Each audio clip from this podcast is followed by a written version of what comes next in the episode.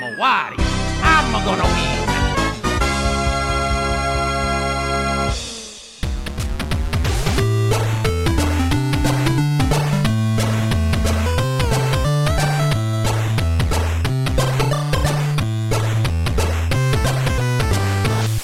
Welkom bij Button Bashers aflevering nummer 67.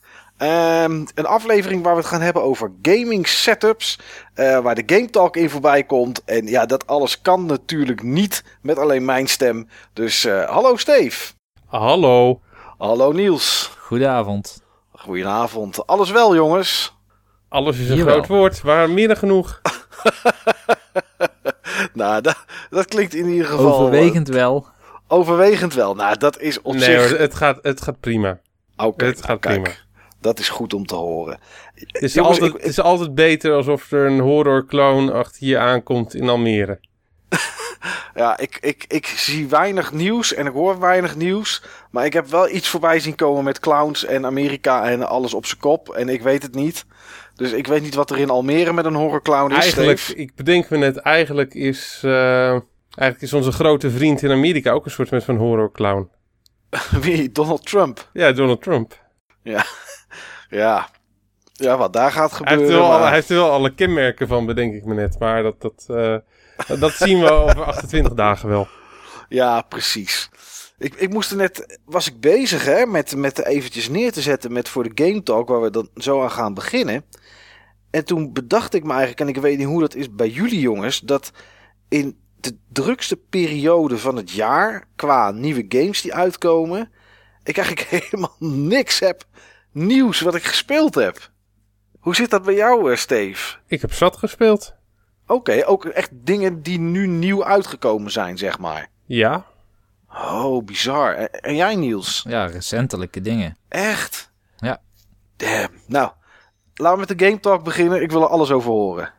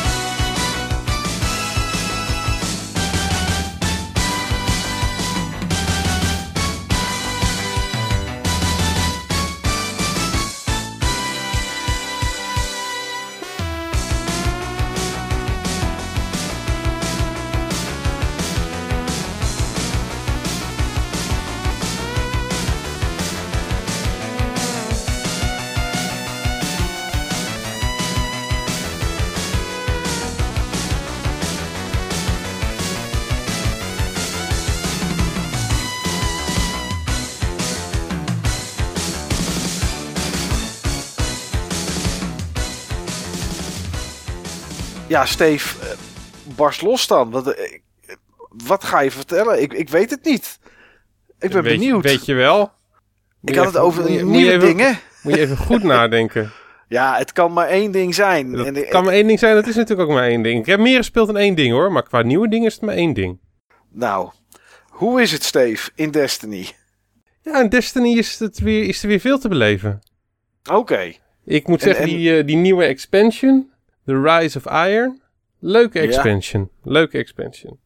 Dus, Oké, ja, de eh, eerste vraag die bij mij opkomt is als je zegt er is er weer een hoop te beleven, is voor je gevoel hoe lang duurt het ditmaal? Want het, volgens mij werd het per expansion steeds wat korter interessant. Eh, nee, want die vorige expansion, die was echt wel... eh, dat was echt een goede expansion hoor, die, die, die laatste. Dus wel, dit gaat wel lang, korter duren dan die vorige expansion. Eh, die vorige expansion die kostte ook 40 euro en het was echt... eh, daar introduce- introduceerden ze ook nieuwe subclasses mee. Echt heel veel quests, echt heel veel eh, nieuwe content, veel meer missies. Ehm, Maar dit is, het is wat, wat beperkter qua, qua scope, maar de kwaliteit vind ik goed. Dus Dat sowieso was de vorige expansion ook weer iets met die wolf of zo, toch? Nee, dit is met die wolf. Oh, dit is zeg maar- wolf. Ja, en eh, de vorige expansion heette de Taken King. Oh ja, Taken King. Maar dat is al een jaar geleden ongeveer, Een jaar toch? geleden? Nee, exact Ja. een jaar geleden. Eh, dit is een ehm, expansion die eh, bevat dan een campaign die uiteindelijk culmineert in een raid. Mhm. En die raid heb ik nog niet kunnen spelen, want ik, ehm, ik, ik ben wat minder hard erop gegaan dan, ehm, dan in, het, in het verleden. Hard genoeg hoor, meer dan hard genoeg. Maar, Te hard? nee, vind ik niet. Oké, oké. Nee, vind ik niet. Ik heb, hem, eh, ik heb het eh, wat meer gedoseerd. Ja, want Dus, hoe lang eh, is die nu uit? Een week of drie. Oh, Oké, nou en volgens mij was het bij de vorige, bij die, die Taken King was volgens mij een dag of vier, vijf. En toen begon je al aan die raid, volgens mij, of niet? Ja, klopt. Nu ook. Ja. En ehm, dat had ik niet gekund, want ik was nog niet op het juiste light level. Een paar gasten, Mhm. zeg maar, die, die ken uit de scene waar ik regelmatig mee game wel. Ja, Maar ehm, ik had daar op zich vanaf vorige week kunnen doen. Maar het was, vorige week was het ook eh, eh, het, het maandelijkse PvP-evenement. eh, de Iron Banner. Die Ja. nu ook extra belangrijk is. Rise of Iron, Iron Lords, Iron Banner. Dat, dat draait een beetje zeg maar om... ik noem hem eventjes de organisatoren achter de Iron Banner. oké. zijn een soort, een soort met van de laatste overgeblevenen van de Destiny-versie van The Knights of the Round Table. En ehm, die PvP-modus waar dit keer in afspeelt, want de Iron Banner is steeds een andere PvP-modus. Die dan zeg maar een week centraal staat en een week eh, dan speel je dan dat. En eh, de- normaal gesproken tellen krachtverschillen niet in, eh, in de PvP-mode, maar nu dan wel. Oké, En eh, je hebt gewoon echt een veel betere drop chance op spullen en mooiere spullen. Dus dat is wel eh, heel tof. En ehm, ja, ik, eh, ik moet zeggen, die, die nieuwe game mode van het zich afspeelt heet Supremacy. Iedereen vindt hem leuk. Bijna iedereen vindt hem leuk. Oké, In ieder geval van iedereen waar ik mee, eh, mee speel. Wat er anders aan is, eh, iedereen die je killt, die dropt iets. En je krijgt pas eh, punten op het moment dat je hetgeen wat gedropt is, hebt opgepakt. ah, oké. Ja, Ja, dus ja. het is echt heel erg close, close combat. Klinkt een Eh. beetje als de dogtag mode van eh, Call of Duty was het volgens mij inderdaad. Dan sloop Ja. je iemand en dan telt het pas als je die dogtag opgepakt hebt. Hetzelfde principe. Ja, ja, En ehm, ja, laat ik zo zeggen, normaal gesproken zie je altijd bijvoorbeeld veel snipers in, ehm, in PvP. Nou, nu niet hoor. Nee, Je- dat is useless. Ja, je ziet mensen echt gewoon anders, anders spelen. Bepaalde subclasses die niet vaak gebruikt worden, die worden nu opeens veel meer gebruikt. Eh, eh, mensen spelen op een andere manier om eh, hun supers te gebruiken op het juiste moment. Of je, eh, het zij om zoveel mogelijk kills te maken. Het zij, of, of het zij om iemands super die best wel desastreus kan zijn voor een, voor een team op het juiste moment te cancelen. Nee, ik heb echt ik heb me heel goed vermaakt. En goede drops. Oké. En ehm, ja, en ook weer wat nieuwe quests voor exotic items. En ja, die raten ga ik volgende week eens mee beginnen. Even kijken of ik zeg maar daar eh, een groep voor eh, kan samenstellen met mensen die ik ken. Dus daar hebben sommige mensen nu ook wat ervaring mee. En eh, de eerste keer er helemaal doorlopen. Dus we gaan daar eens hard op. Oké, en, en, en die story-achtige campaign mode die erin zit, is die behuist dat nog iets? Of, of is Nee het joh, te vijf, vlak? vijf missies. Eerste missie was heel goed. Laatste missie was heel goed. En vrij, je was er vrij snel doorheen. De twee belangrijkste klachten zijn dat de campaign echt eh, best wel kort was in vergelijking met de vorige campaign. Dat vond ik op zich niet zo erg, want het draait niet echt om de campaign. Het draait, de campaign is toch niet de endgame. Het, Nee, het, is draait, het draait in Destiny toch om de endgame. Dus lief dat de endgame gewoon zo goed mogelijk is. Alleen wat ik wel echt jammer vond, wel ik, eh, eh, het, de manier van hoe het verhaal verteld wordt en de karakters die centrale rol spelen, dat voelt echt alsof het een stap terug doet. Hmm, Oké. Is, is het, speelt het zich op een nieuwe locatie ook af, Steve, of niet? Ja, als ik, een, in feite is het gewoon een reskin van een oude locatie, die op sommige punten gewoon wat is aangepast. Hmm. En die op eigenlijk eh, aan het begin en het eind kun je gewoon wat verder. Maar Ah, eh, dat is een, ja, dat is, dat is ook wel iets zeg maar wat, ehm, wat, wat jammer is. Eh, die, die vorige expansion die speelde zich echt op een volledig nieuwe eh, locatie af. Ja. En eh, ja, dat, ehm, dat was echt wel heel erg tof hoor. Dat was ook echt een hele- die, dat voelde heel anders. En daar, eh, daar zaten allemaal geheimen in.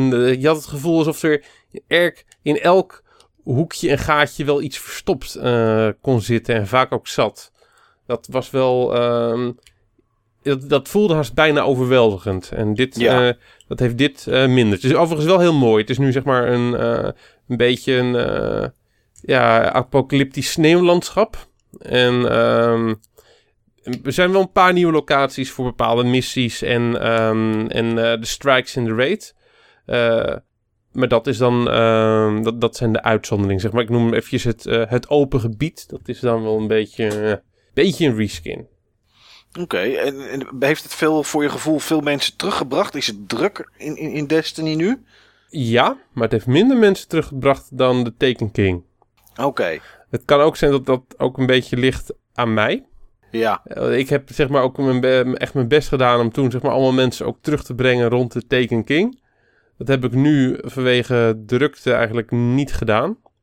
En omdat ik, ik, ik wist ook gewoon niet hoe, eh, hoe- goed dit zou worden, of dit echt het geld waard zou zijn. En vind ik toch een beetje, ja, heb ik ook niet het gevoel, gevoel dat ik het mensen van tevoren echt ook helemaal aan wil smeren. Bij de Taken King had ik er echt helemaal van tevoren ook uitgepluist. Dan had ik zoiets van, joh, dit kan niet fout gaan. Dit lost zoveel substantiële problemen op die er, ehm, eh, die er rond Destiny speelden op dit moment, op dat moment. En, en, Ja. en- en dit sluit gewoon meer aan op waar Destiny ook gewoon was met die laatste update. Je hebt geleidelijke progressie, best wel goede drops. Al- voor het levelen maakt alles gewoon zin. Dat is ook wel leuk. Duurt nog lang voordat je hoogste light level bent? Ik weet niet wat, inmiddels eh 360 Eh, of zo? Er zit nu een cap op 385 en op het moment dat de Oké. heart rate uitkomt gaat het naar 400. Ik denk dat ik er nog op het tempo wat ik nu speel, nou, eind november denk ik. Oké, oh, nou dan Dit, is... ik gewoon, dit vond ik gewoon een, een aangenaam tempo.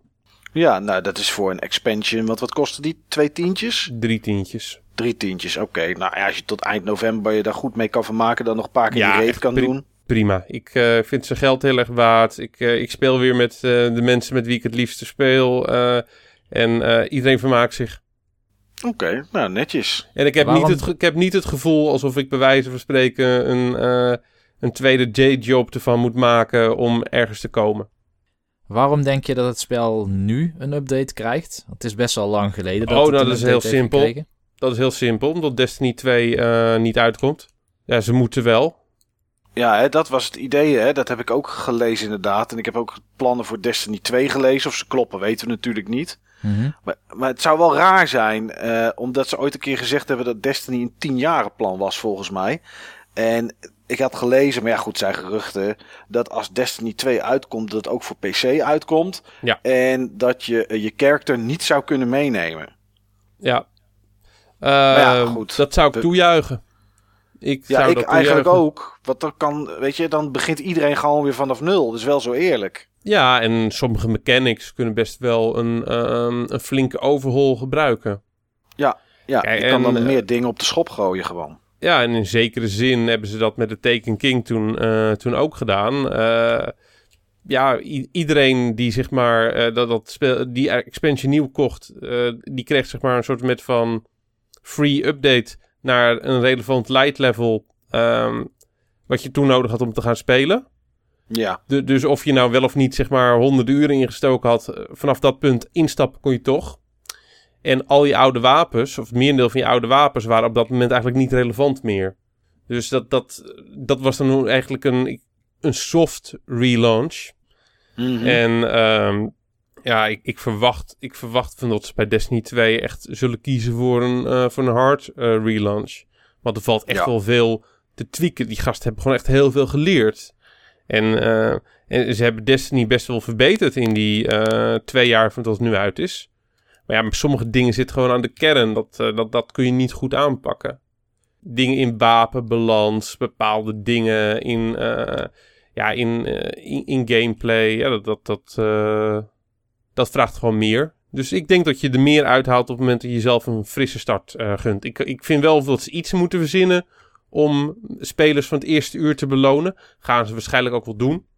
Maar ehm, Ik, ik hoef niet per se al mijn wapens eh, te hebben in Destiny 2. Nee.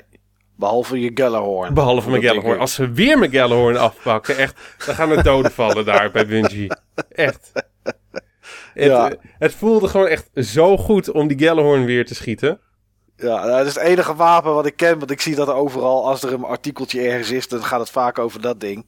Ja, dus, maar eh, dat was zo mooi. En nu zit, het, nu zit het dan achter een quest. Dus nu kun je dan zeg maar eigenlijk een- op een vaste manier een Gallahorn krijgen. En, eh, maar, maar vroeger was die Gallahorn dus een random drop. En dan werden mensen echt helemaal gek op het moment dat ze een Gallahorn kregen.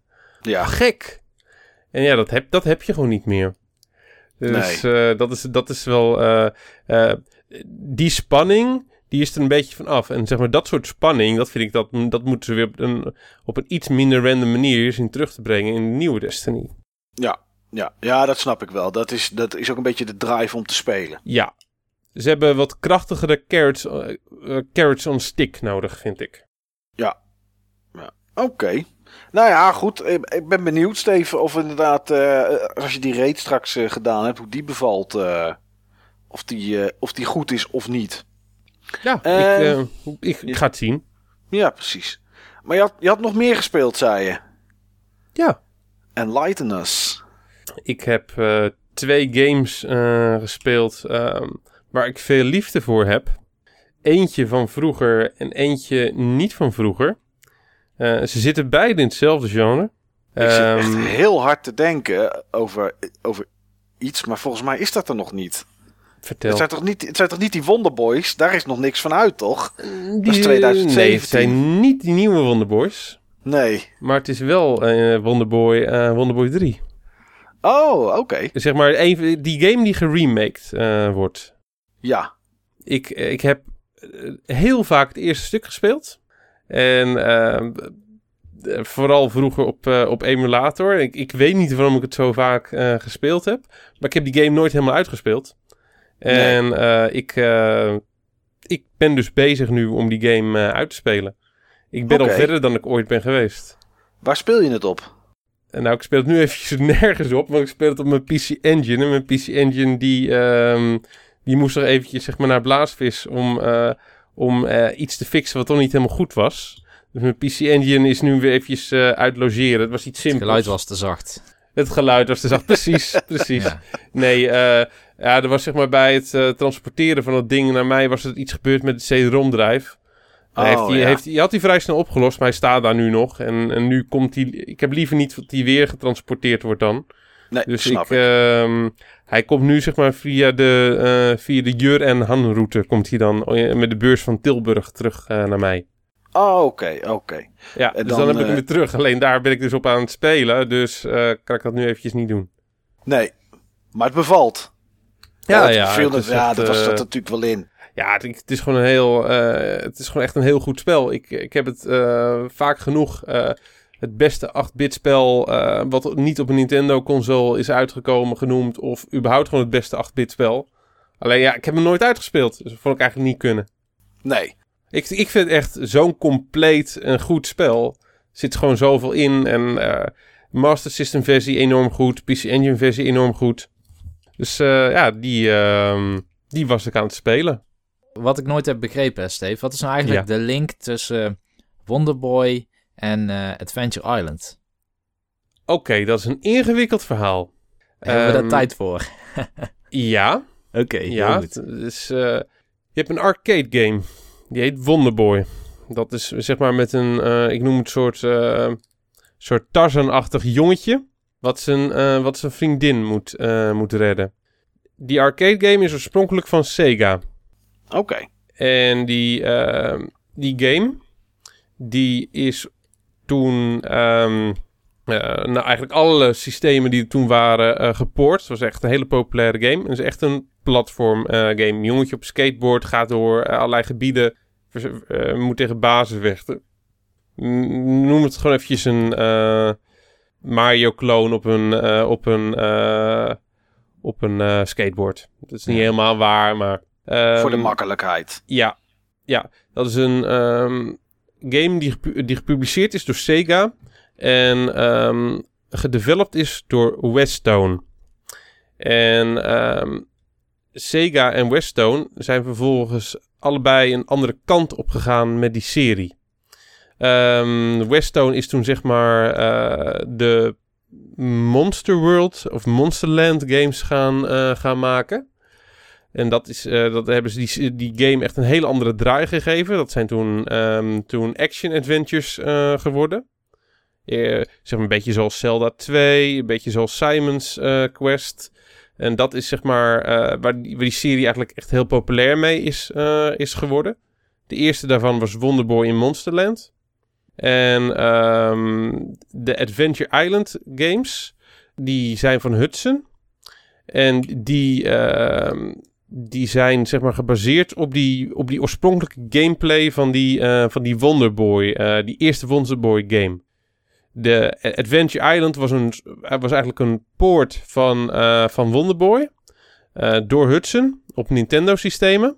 Eh, om zeg maar met die eh, dat te maken met zeg maar dat eh, re- bepaalde rechten die, eh, die Sega had, die ze een bepaalde, ik, ik weet niet precies hoe het zat, maar Wonderboy wilde ze niet op Nintendo systemen hebben. En eh, eigenlijk is het eh, is Wonderboy wel op eh, Nintendo systemen uitgekomen als Adventure Island en dat Adventure Island is gewoon verder gegaan, maar Wonderboy niet verder is gegaan. Ja, en dan heet hij Master Higgins. Master Higgins, ja. Ja. En is die een stuk ouder en een stuk dikker. En een snorretje, toch? Volgens mij heeft hij geen snorretje. Hij heeft Oh. wel een berenvel of tijgervel. Oké. Maar jij, jij gooit met, eh, met, eh, met, stenen, eh, met stenen bijlen of stenen hamers. En hij heeft een skateboard. Het is net Wonderboy. Die eerste Wonderboy. Dat is, het, dat is op hoofdlijn het verhaal. Ah, Althans, oké. het- zoals ik het kan vertellen. Oké. Nou, wel nice. In ieder geval nice dat je Ja. hem nu een keer eh, gaat, zeg maar, gaat, gaat finishen, die game, na hem zo vaak al gestart te hebben. Ja, dat klopt. En eh, het is overigens niet eens de enige action-adventure uit het 8-bit tijdperk die ik heb gespeeld deze periode. Oké. Want eh, ik was getriggerd om een game eh, uit te gaan spelen die ik wel uitgespeeld heb. En waar ik juist ehm, vroeger, die, die ik vroeger had, dat gold niet voor Wonderboy 3. En waar ik veel liefde voor heb. En jij was degene die me, heb die me heeft getriggerd, eh, Mike. Dan eh, denk ik dat ik het weet, maar ik ga het niet zeggen, want ik heb geen zin in tweemaal een, eh, een verkeerde game te... Ah ja, Wonderboy zat ik goed, Destiny zat ik goed. Is het Vexenadu? Ja, Ah, mooi dat jij erover begint. Eh, da- Daar haak ik even in. Ik heb eh, in niet de vo- vorige podcast, maar die daarvoor was ik begonnen met de Let Mike Play, waar mensen NES games konden opperen. En nou, toen had ik Bad Dudes gespeeld. En daar heb ik wat over verteld. En voor de vorige podcast, die van de Hype, had ik Vexenadu gespeeld. Alleen was ik eigenlijk in mijn hype vergeten om het daarover te hebben. En hij staat nog wel op mijn lijstje om het over te hebben. Maar ik moet heel eerlijk bekennen, dit is twee maanden geleden of zo dat ik dat gespeeld heb. En ik weet er eigenlijk niet zo heel veel meer van. dus, eh, We- weet je nog hoe ver je bent gekomen? eh, ik ben bij sowieso bij een soort van eindbaas iets gekomen, denk ik. Dat vliegende beest met die vleugels en eh, Ja. die, die op Ja. je schiet. Ja, ja, daar ben ik in ieder geval gekomen. Nou, wa- wat mij vooral opviel, eh, eh, wat, wat mij zeg maar opviel, was dat de besturing zonder boekje, en het, het was ook bij Bad Dudes, en het was dit weer een prima voorbeeld van, eh, best lastig is. Want ik had geen boekje iets. Ik, ik speelde hem geëmuleerd op, ehm, op een Raspberry Pi. Ja. En ik, ik dacht dat ik een soort keuze moest maken tussen wapens en magie. Ja, waarom Nee, weet ik niet. Nee, hoor, dat is niet zo. Nee, maar ja, dat dacht ik. Dus ik, ik ging aan de slag met een wapen. Ja, dan kom je niet ver, kan ik je vertellen. Want er zijn echt ja, beesten die, die zoveel bewegen en van boven en beneden. Nou, dus zoveel tegenstanders en dat lukte niet. Op een gegeven moment kwam ik erachter dat ehm, ehm, je begint in een soort stad. Dat is een stad waar je vroeger bent opgegroeid, zeg ik even uit mijn hoofd. Ja. En eh, nou, daar is van alles aan de hand. En het slimste was als je die stad binnenkwam om je eerst dood te laten gaan. Ja, Want dan heb namelijk- je direct full health. Ja, full health. En, en dan, je komt aan met heel weinig leven. En eh, als je dan doodgaat, dan, eh, nou, dat is prima. Dus dat vond ik wel een aardige strategie. Eh, ja, toen heb ik, ik heb Magic, heb ik, eh, eh, die is dan ook gevuld. En daardoor kon ik dan weer iets anders kopen. Want je krijgt van de koning een x bedrag of zo. Ja, die dat is je sponsor. Ja, nou ja, daar, daar kreeg je... Toffe koning. De meeste koningen die kosten alleen maar geld. Ja, het was die van ons. Ja, die zal, die zal je weinig geven. Ehm, nou ja, en, en daar daarvoor hoefde ik mijn Magic niet eh, te laten healen, zeg maar. Want die was ook vol. Dus Klopt. kon ik wel iets meer aan items kopen. En eh, ja, toen ben ik op pad gegaan eigenlijk. Dat is, dat is een beetje wat ik er eh, van mee heb gekregen. En wat mij vooral opviel was dat het met Magic, zodat je een soort van, ja, ik weet niet of het vuurballen zijn, maar je kon een soort van Magic afschieten, zeg maar. Dat het daardoor een stuk makkelijker te doen was dan alleen met een zwaardje. Ja, dat scheelt wel, hè? Ja, enorm inderdaad. Ehm, Wat ook heel erg scheelt is op het moment dat je aan het begin van het spel op een paar schermen eventjes wat grindt, zodat je wat extra geld hebt. Ja, En dat je dan zeg maar in een winkel, eh, die eigenlijk zeg maar een te hoog level voor je is, ehm, eh, dat, je die, eh, dat je dan direct zeg maar, ik ben even kwijt of het een bepaald, of een bepaald schild of een bepaald harnas is. ja, Volgens mij is het een schild. Dat je dat dan, eh, Magic Shield, we- volgens mij is dat het. Dat blokt ook Magic. Ja, Magic Shield is het. Dan koop je direct het op één na sterkste schild van het spel. Daarmee blok je 70 of 80 procent van, eh, van Magic attacks. En dat scheelt ook wel erg om dat aan het begin van het spel te hebben. ah, oké. Dus dan moet je eventjes, eh, ja, 10 minuutjes voor grinden. Nou, 10 minuutjes? Ik lach erom. Ja, vast wel. Ja, dat eh 10 minuutjes grinden, dat, eh, daar kijken, dat doen we gewoon eventjes zo tegenwoordig. Na mijn, eh na mijn Division carrière. Ja, En, en Diablo en Destiny. ja maar precies. ehm, dat maakt gewoon heel erg uit. En wat ook heel erg uitmaakt, is als je zeg maar het password systeem snapt. Nou, ja, want het begreep ik. In het begin snapte ik. Nou, ik had het na één of twee keer wel door. Want je hebt in. Om de zoveel tijd heb je een of andere soort. eh, ja, goed, noem het maar een soort van voodoo-dokter of zo. Die dan een mantra uitspreekt. Ja, En, eh, en dan krijg je een code. Nou, niet te zuinig hoe lang die code is. Ja. Mijn hemel, dat is niet AXB69, maar dat is dat drie keer of zo.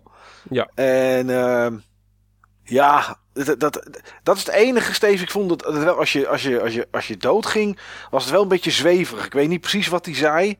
Of wat hij dan zegt, maar iets van ja, je leven gaat verder. En ik denk, ja, dat is wel een beetje zweverig.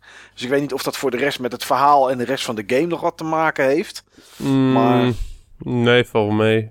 Nee, het was gewoon eh, iemand die ergens tijdens een zen eh, vrijdagmiddag bedacht had om het zo te doen waarschijnlijk. Ja, dat is, Maar- gewoon, eh, dat is gewoon zeg maar een of andere kerel in die dorpjes die een, cursus, die een cursus Reiki heeft gehad. Ja, precies. Maar Ja. dat paswoordsysteem is, ehm, voor zover ik paswoordsystemen eh, heb gebruikt in de tijd, redelijk uniek. Ehm, ehm, hij is, het, het slaat je items op die je hebt. Het slaat exact op. Maar wat het niet opslaat is, het- is je geld. Oké. Ehm, dat slaat het niet exact op. Je hebt een experience systeem.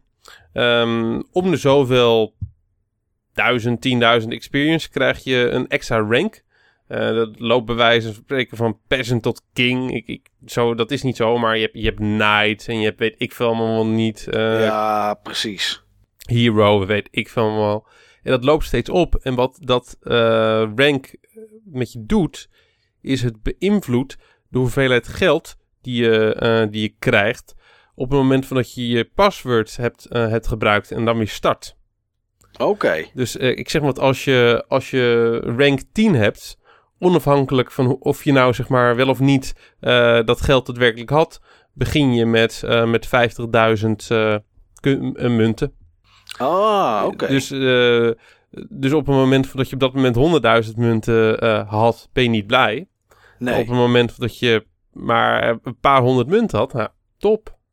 ja, en dan dus- zou dus je wat- een, een beetje kunnen cheaten natuurlijk als je bij zo'n mantra gast en je krijgt code en je ziet dat je nog maar eh, of je ziet dat je dat je 100.000 gold hebt, dan koop je wat items. Totdat je eh, precies en dan ga dan doe je de code en eh, hopla, heb je weer 50 terwijl je al die items wel hebt. Ping. Ja. Oké. En dat is dus zeg maar ook zeg maar. daar was ik zeg maar vroeger al achter gekomen. En dat is zo, zo kochten we dan zeg maar de dure spulletjes. Dus dan Ja. spaarde je dan voor en dan, ga- dan gaf je het uit en eh, dan kocht je het. Vervolgens eh, gebruikte je direct je mantra en had je bij wijze van spreken de helft van het geld wat je had uitgegeven alweer terug. Klinkt een beetje als creatief boekhouder met Davilex dit. Ja, goed hè? Goed hè? Dus eh, dat was een van mijn eerste ervaringen met creatief boekhouden inderdaad, ja. Ja, oké. Maar goed, eh, ja, ik ben dus tot dat vliegende ding ben ik volgens mij gekomen. Ja. En ik heb hem een paar keer opnieuw gestart, omdat ik wat dingen wilde proberen. Dus eh, misschien dat ik, eh, ik, ja, ik weet niet hoe lang ik erin gestoken heb. Ik denk sowieso het eerste half uur om erachter te komen hoe ik mijn magic precies gebruikte. En dat ik het ook nodig had. En dat ik het echt niet zonder redde. Dus wat dat betreft valt, dat, valt het wel mee. Ik, maar goed, hoe ver... eh, ja, jij hebt hem uitgespeeld dus, Steve, zei je net. Nee, ik ben halverwege. Oké. Moet, eh, toen, kwam, eh, toen kwam Destiny. Ik, was, ik, had, ik had net even iets eerder aan moeten beginnen. Maar ik, ik Ja. wil hem nog wel afmaken hoor. Ik heb mijn paswoord gewoon, dus heb ik een foto van op mijn mobiele telefoon. Ik denk dat ik 2 tot 2,5 uur nog nodig heb om uit te spelen. Oké, dus het, het, be- het bevalt weer. Ja, ik heb het altijd een heel leuk spel gevonden. Ja, ja ik moet zeggen dat het me ook... ja, ik, het stond me niet tegen of zo voor de rest. Het was best wel interessant eh, toen ik eenmaal de mechanics een beetje door had. Het speelt goed. Het is... Ja. Goeie voor achter op de boxart. Het stond Mike niet tegen. er stond mij niet tegen. Nee, Eh, maar dat zegt veel. ja. Voor een 8-bit game die Mike nooit gespeeld had vroeger. Maar sorry, Ja. ik viel je in de reden, maar, eh, Steve. Nee, nee, nee. Het is gewoon, eh, het is gewoon een leuk spel. Dus eh, Ja. hou je van action, adventures, 8-bit, aanradertje. Ja, zeker. Ik, ik weet dat ik het zeker nog een keer eh, eh, verder ga spelen. Dat ga, ik, dat ga ik echt wel een keer doen. Ja, en meer dan dit wil ik eigenlijk niet uitlichten. Ik heb nog wel wat dingetjes gespeeld, maar het was allemaal korter. Dit was echt, eh, dit waren de mains. Oké. Mike strooit rijkelijk met accolades vandaag. ja. Ja, Niels. Ja, Wat heb jij gespeeld, kerel? Ja ik, eh, ik heb een aantal dingen gespeeld en die ga ik allemaal vrij kort houden. Oké. Ik dacht dat ik heel weinig gespeeld zou hebben, want ik was er natuurlijk een week weer tussenuit. Ja, je was weer naar... eh, eh, je was naar Korea. Ik was weer naar Zuid-Korea, inderdaad. Ja. En deze keer in kader van, van de handelsmissie. Oh Dus, ja. eh, Daar hebben we Ja. natuurlijk mooie foto's van gezien. Jij en Guus Hiddink. Guus Hiddink, ja. Ja, Het dak grappig eraf met hoor. Hiddink. Ja, Ja, nee, dat, eh, dat was een soort side event. Het was bij het trade dinner. Ehm, waar de reis over ging, althans voor mij, was een eh, seminar. Dat ging over de creatieve sector. ja. Samenwerkingen in creatieve sectoren. En dat ging dan in mijn geval over de gamesindustrie. En ehm, de ambassade had geregeld dat onze minister-president daar ook bij aanwezig zou zijn. Die dan misschien één of twee spellen zou kunnen gaan spelen. Oké, En dat is wel heel bijzonder. want, die kan, want die gamet normaal natuurlijk nooit, meneer, pre- hoe heet het, Mark Rutte. Ik weet niet of dat hij normaal gamet. Daar hebben Ik we denk het niet niet. over gehad. Ik kan me niet voorstellen. Nee, ik heb wel gehoord dat hij piano speelt. Oké, Maar ehm, of die Bijna gamet, hetzelfde. nee, bijna hetzelfde. heb je dat gehoord omdat hij het daar deed of gewoon vanuit een verhaal? Nee, dat heb ik weer van iemand anders. Oké, Want eh, het, het was allemaal vrij eh, kortstondig hoor. Het was een seminar dat wat langer duurde. En eh, Mark Rutte die kwam wat later dat seminar ook binnen. Zo was ook de afspraak. En dan zou ik uitleggen wat een game jam is en hoe, eh, hoe we samenwerken met partners in Zuid-Korea op een heel laag niveau, dus echt studenten samenwerken. Vaak gaan dit soort verhalen over strategische samenwerkingen tussen grote bedrijven. ja, Dus dit was wel een leuk alternatief voor dat soort samenwerkingen. Even keer iets heel anders. Echt heel laag bij, eh, bij de samenleving zelf. maar de vraag is natuurlijk, heb jij dan geco-opt met Rutte? Ik heb geco-op met Rutte. Wat heb je gespeeld met hem? Ik zal even kijken, want het staat op mijn mobiele telefoon. Want daar staat een van de twee games nog op. Was- uit- waren, dat dan, waren, dat dan waren dat dan games die eh, tijdens zo'n game jam gemaakt waren, zeg maar? Ja. Ja. Oké, oké. Dus je kon niet zeggen van, eh, eh, kijk, dit is Pokémon Go. eh, en, en, en dit, is, eh, eh, dit is Farmville of zo. Dat, dat was het niet. Het was echt nee, van, want dat heeft natuurlijk niks met Nederland en Korea te maken. nou ja, ik weet niet ehm, wat je verbouwt in die Farmville. Ik heb hier het spel Turtle Hunter. Oké, Dat is één zo'n spel. er zat een thema aan die Game Jam. En dat was Healthy Habits. Oké, ja. En de twee games die gedemonstreerd werden. En eh, die eh, meneer Rutte ook gespeeld heeft. eh, zijn alle twee games die iets doen met postuur. Die jou tijdens een, een werksetting, hoe je normaal werkt. Dus zittend achter een laptop en waarschijnlijk een beetje voorover gebukt. eh, die jou bewust laten zijn van je postuur en af en toe iets anders laten doen. Oké. En dit is een game die speel je met gestrekte armen en een gyroscoop. Dus het is richten met fysieke beweging. Oké, ja, grappig. En wat wel grappig was, is dat eh, eh, hij had op zich vrij snel door hoe het moest. Eh, maar ik had geen tijd om het voor te doen. Oké. Want er ging iets van mijn tijd af, had de ambassade gezegd. Dus ik moest meteen to the point, meteen de games laten spelen. En ik moest het dus uitleggen hoe het werkte. Dus ik hielp met schieten. En dan bewoog hij. Ehm, op een gegeven moment toen zei ik van dat zijn score waarschijnlijk hoger zou zijn als hij zijn jas uit zou doen. En toen deed hij dat ook. Waar, waarom zou ze scoren? Omdat hij dan makkelijker kon bewegen of zo? Ja, ja, of, ja. was Want het, het, of was het gewoon een onzin, onzin grapje? Nee, je moet het echt met gestrekte armen spelen. En ik Ja, zag dat, dat, dat het moeilijk was, want hij heeft natuurlijk een pak aan. Ja. En ik zei het eigenlijk met de bedoeling van laten we het volgende spel gaan doen. Maar in plaats daarvan stond hij op, trok hij zijn jas uit. En eh, had hij zo'n let's do it houding. Ja, oké. Oh, dat is wel leuk. Ja, zeker. Ehm, dus dat is een van de twee games. En de andere game was het spel dat heet Olympic uit mijn hoofd. En dat is een spel wat je echt speelt ook op je laptop. Je hebt verschillende levels. En daarin doe je ook verschillende postuuroefeningen tijdens dat je het speelt. Dus het eerste spel is een soort Typing of the Death. Waarin Ja. je een zin na moet typen. Alleen die zin die wordt zeg maar verticaal geprojecteerd op het scherm. Oké. Dus je moet met je hoofd tilten om het na te typen.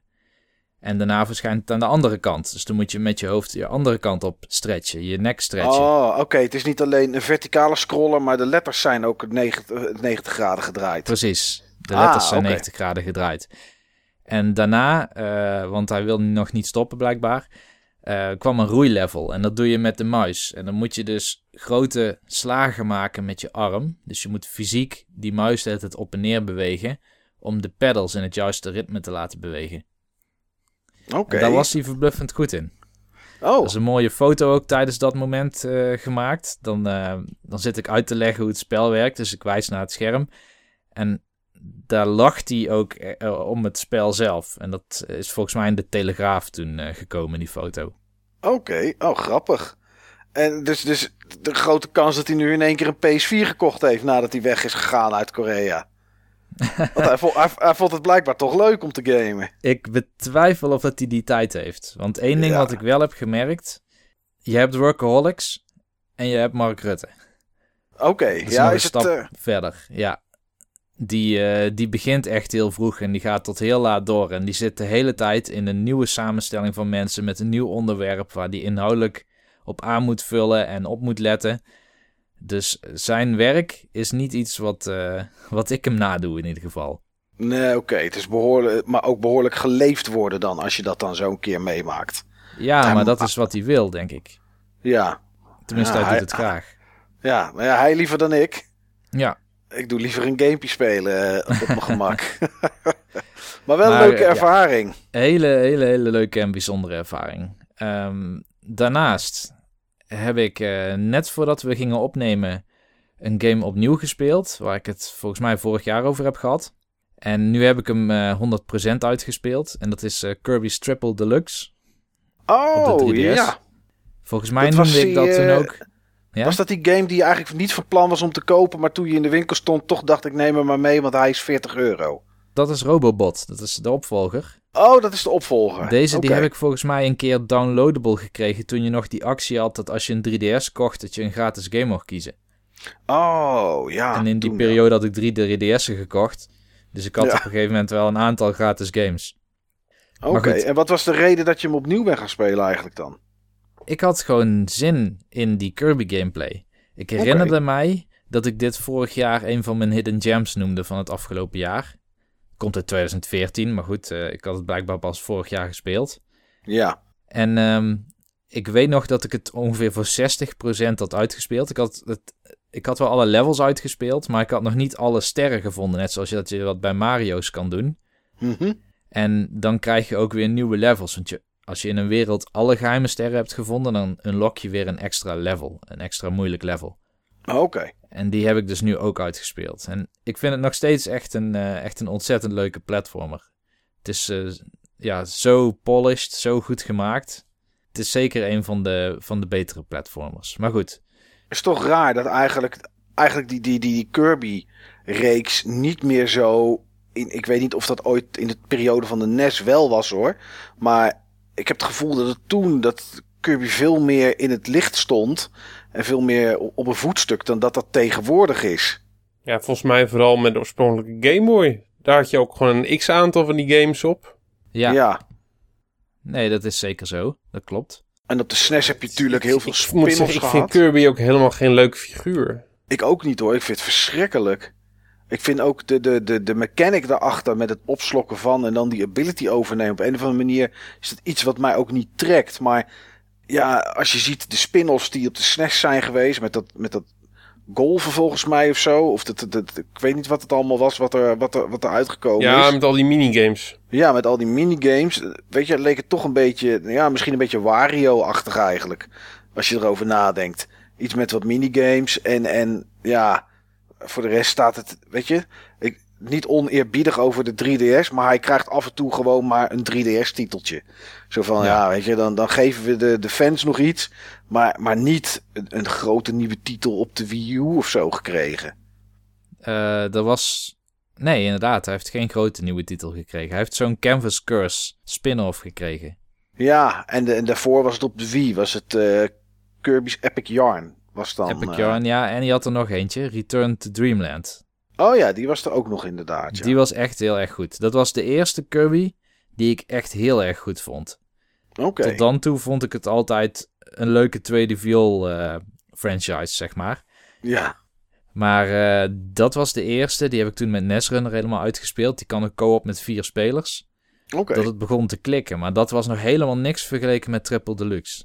Dat is Hmm. wel... Dat, dit is echt een, eh, een klassieker, vind ik zelf. Dat is echt de ultieme Kirby game, zeg maar, voor jou. Voor mij wel, ja. Oké. Deze meet zich wel met eh, de beste Donkey Kongs en eh, de betere 2D Mario's. Oké. Maar het is Nou, wel makkelijk. Ja. Nou ja, goed. Als het vermakelijk is, is dat niet erg voor een keer. Nee, klopt. Een, eh, een ander spel waar ik ook doorheen was gekomen is Fire Emblem Birthright. Ik ben het even kwijt hoe het ook alweer zat. Is dit, dit is een onderdeel van Fates, toch? Dit, ja, dit is eh, de eerste game binnen Fates, als je het een Oh, ja. volgorde zou mogen geven. Oh ja, oké. En? Ja. Je hebt dus drie keuzes in Fates, na een missie of zes. Ja. En dan kun je kiezen ehm, of dat jij met jouw echte familie meestrijdt. De Hoshido-familie. Dan speel je Birthright. Ja. Je kan kiezen voor de Noor-familie. Dat is waar je bent opgevoed, omdat je ooit bent gekidnapt. Dat is eh, Conquest. En je kan ook je eigen pad kiezen en dan is het Revelation. Dat zijn de drie games. Oké. Dus Birthright ben ik doorheen. En eh, ik kan vast verklappen dat ik ook alweer eh op de helft ongeveer ben van Conquest. Oh, oké. En moet je dan weer helemaal, moet je dan die eerste zes missies ook weer opnieuw spelen? Of kan je gewoon vanaf dat splitsingspad kiezen? Ja, dat kun je, je kan kiezen of dat je helemaal opnieuw begint of vanaf die, eh, dat splitsingpad. En wat wel interessant is, is je zou geneigd zijn opnieuw te beginnen, want dan kun je je karakters zo levelen als je wilt. Maar op het moment dat je op het splitsingpad begint, dat kun je bij je save game dan aangeven, van start maar hier. Ja. Dan krijg jij items om bepaalde karakters te buffen, permanent. Oké. Dus dat is echt wel, eh, dat is echt wel heel erg goed opgelost. Ehm, laat ik niet op eh, Birthright verder ingaan, maar juist op Conquest. Want het is best apart om eerst de game met ja, wat je dan kent als de goede uitgespeeld te hebben. Mhm. En vervolgens de andere kant te kiezen. Hun rivalen te kiezen. Oké. Wat, is, wat is daar zo apart aan? Nou, omdat je gewend bent als speler dat je altijd de good guys bent. Ah, zo. Maar Ja. zijn de bad guys ook echt de bad guys? Of is het, als je vanuit de bad guys kant speelt, eh, niet altijd zo dat de good guys eigenlijk altijd wel echt de good guys zijn? Dat vind ik dus, dat was ook waarom ik Fire Emblem Fate zo spannend vond. Ik was heel erg benieuwd naar hoe ze dit dan gingen doen, vooral technisch. Ja, En ehm, het is inderdaad zo dat de bad guys een hele goede reden hebben waarom ze dit doen. ja, En ook jij als main character, want je maakt die keuze om bij de Noor-familie te strijden. Zij heeft ook, in, in mijn geval is het zij, eh, heeft ook een goede reden om tegen Hoshido te strijden. oké. Want ze is op zoek naar de waarheid. Ja, En ze wil eigenlijk die oorlog oplossen, voor eens en voor altijd. En als speler kun je dus kiezen om dat voor Hoshido te doen of voor Noor of in je eigen weg. Maar goed, Ja. wat interessant is, is dat eh, Birthright deed me heel erg denken aan, eh, aan Awakening. En dat is eigenlijk een heel goed iets, want eh, Awakening heb ik volgens mij begin dit jaar uitgespeeld. En daar was ik heel erg positief over. Ja. Dat vond ik een van de sterkste delen van Fire Emblem die ik tot nu toe heb gespeeld. En Birthright is eigenlijk in alles beter. Op twee kleine dingetjes na, als je het mij vraagt. Ik vind de muziek iets minder. En het andere is dat wapens ehm, geen gebruikslimiet meer hebben. Voorheen was het zo, als je een of ander supercool wapen had, dan kon je die maar twaalf keer gebruiken. Dus Een die rapier of zo. Precies, de rapier of... eh, ja, wat had je meer? Eh, je had zo'n zwaard wat die, die, ehm, die assassins dan konden gebruiken. Killing Edge. oké. die hadden Killing gewoon een Agents. soort van, eh, eh, een soort van, eh, die gingen op of die gingen stuk na zoveel tijd. Precies, die gingen stuk na zoveel tijd. Die kon je soms ook weer repareren met andere items. Maar er zat ook een item management aspect in het spel. En dat zit er nu niet meer in. Oké, je hebt nog wel spreuken en potions en zo die wel een limiet hebben. Maar je hebt ook weer gewoon een winkeltje die altijd bereikbaar is om die dingen opnieuw te kopen. Dus wapenmanagement is eigenlijk geen ding meer. En dat vind ik zelf best wel jammer. Want je neemt daarmee ook weer wat risico weg. Die je eerst zou nemen omdat je probeert met een wat simpeler wapen toch een vijand te kunnen verslaan. Ja, omdat je die goede wapens wil, eh, wil bewaren voor de moeilijkere encounters. Ja. Inderdaad. ja, het is een stukje diepgang, Eh, zeg ik- maar. Ik, moet eh, hem zo nog gaan is. spelen, maar dat vind ik zelf ook jammer. Ja, dat is, dat is beslist jammer, maar ik vind netto Birthright nog een stuk beter dan eh, Awakening. Ja, het is, het is interessanter. Het is interessanter. Je hebt nieuwe karakters, je hebt nieuwe classes. Vooral heel veel Oosterse classes die je nog niet kende voorheen, omdat het altijd in Europa zich afspeelde en meer zich baseerde op ridders. eh, Ja, misschien ninja's dan een keer. Maar eh, ja, nu vind je ook eh, ninja-sterrenwerpers, mensen met een Yumi, dat is een soort boog. Een, ehm, een butler zit er nu bij. Een, Wat komt hij doen? Wapens brengen tijdens het gevecht? hij werkt met, met messen. Oké, Het is een soort messenwerper. oh, grappig. En, het, ja, en hij kan ook healen. Dus het is best een leuke class. En eh, wat ik ook een leuke class vond, was een boogschieter op een Pegasus. Dat is ook nog nooit eerder geweest in de Fire Emblem serie. Maar goed, dat is allemaal Birthright. En Birthright Nee, dat is lijkt nieuw, dus- hè? Dat is nieuw, ja. Dat is die grappig. combinatie die je... Dat is je- grappig, want omdat boogschieters juist de zwakke plekken zijn van die Pegasus Knights. Precies. Je kan dus nu een Pegasus Knight maken die sterk is, heel erg sterk, tegen andere Pegasus Knights. En ook nog eens van afstand kan schieten. Je hebt ook trouwens een, eh, een eh, Magic User op een Pegasus. Wat tof. Ja, de classes zijn echt super gaaf. En dat is eigenlijk het grootste aspect wat mij Birthright leuker deed vinden dan Awakening. Het zijn echt die karakters. Ik heb ook een heel ander soort party gemaakt dan dat ik normaal zou doen. Want normaal werkte ik altijd met een general. Dat was dan mijn tank. Die had soms niet eens een wapen, omdat je dan eh, als ja, een soort buffer kon bouwen tussen jou en een hele toestroom aan eh, reinforcements. Alleen ik heb helemaal geen eh, general gehad in Birthright. En daarentegen heb ik juist iets van vier snipers, boogschutters gebruikt. Normaal heb ik die niet eens gebruikt, omdat ik eh, liever magic users gebruikte. Maar dit, ik heb dus Birthright gebruikt om een keer op een hele andere manier te spelen. En Conquest is nog leuker dan Birthright. Dus je kan je voorstellen dat ik eh, dit jaar toch wel helemaal in mijn nopjes ben met ja, de je games kon die het goed speel. aan je Fire Emblem trekken. ja, Ja, en ik is straks zelfs ook. zo. Ik, weet je wat het is? Ik, ehm, ik moet nog steeds mijn nieuwe 3DS in orde maken. Door Ah. eh, zeg maar al mijn software over te zetten. En dat is best wel een gedoe met zo'n 3DS. En dat is eigenlijk de reden waarom ik er zeg maar nog niet aan begonnen ben. Oké, Want dan wordt wel mee mijn... hoor. Nou, ik, joh, laat ik zo zeggen, ik vind het niet zo, eh, niet zo fluid als ik zou willen. Maar misschien dat ik het gewoon in mezelf, misschien dat ik een beetje voor mezelf eh gehyped heb. Iets te veel eh opge, ja, opgebufft. Ik ga, wel, ik, ik ga dit weekend er eens naar kijken. Ik heb eh, dit weekend ook wel tijd. Dan ga ik er eens naar kijken. Ik heb het eh, iets van vier of vijf keer gedaan en het kost steeds maar een kwartier. Het gaat helemaal automatisch. Dus, eh, Ik ga het gewoon valt doen, joh. Ik, Ja. waarschijnlijk overdrijf ik gewoon. Waarschijnlijk overdrijf ik gewoon. Heb ik het voor mezelf gewoon groter gemaakt dan het is. Wat in ieder geval voor mij Conquest nog leuker maakt dan Birthright, is een van de aspecten is natuurlijk dat je benieuwd bent naar het verhaal. Ja, de andere kant van het verhaal, de zeg andere maar. kant van het verhaal en wat hun motivatie is en, en hoe ze uiteindelijk het, het, het conflict zeg maar gaan resolven op het eind. Eh, je hebt weer andere karakters om mee te werken. Je werkt nu vooral met wat meer traditionele Fire Emblem karakters. Dus hier heb ik wel een general. Hier heb ik ook normale magic users. Geen hele wazige spirit users of zo die je bij Hoshido had. Maar het, eh, het type white magic, black magic dat je gewend bent van de serie.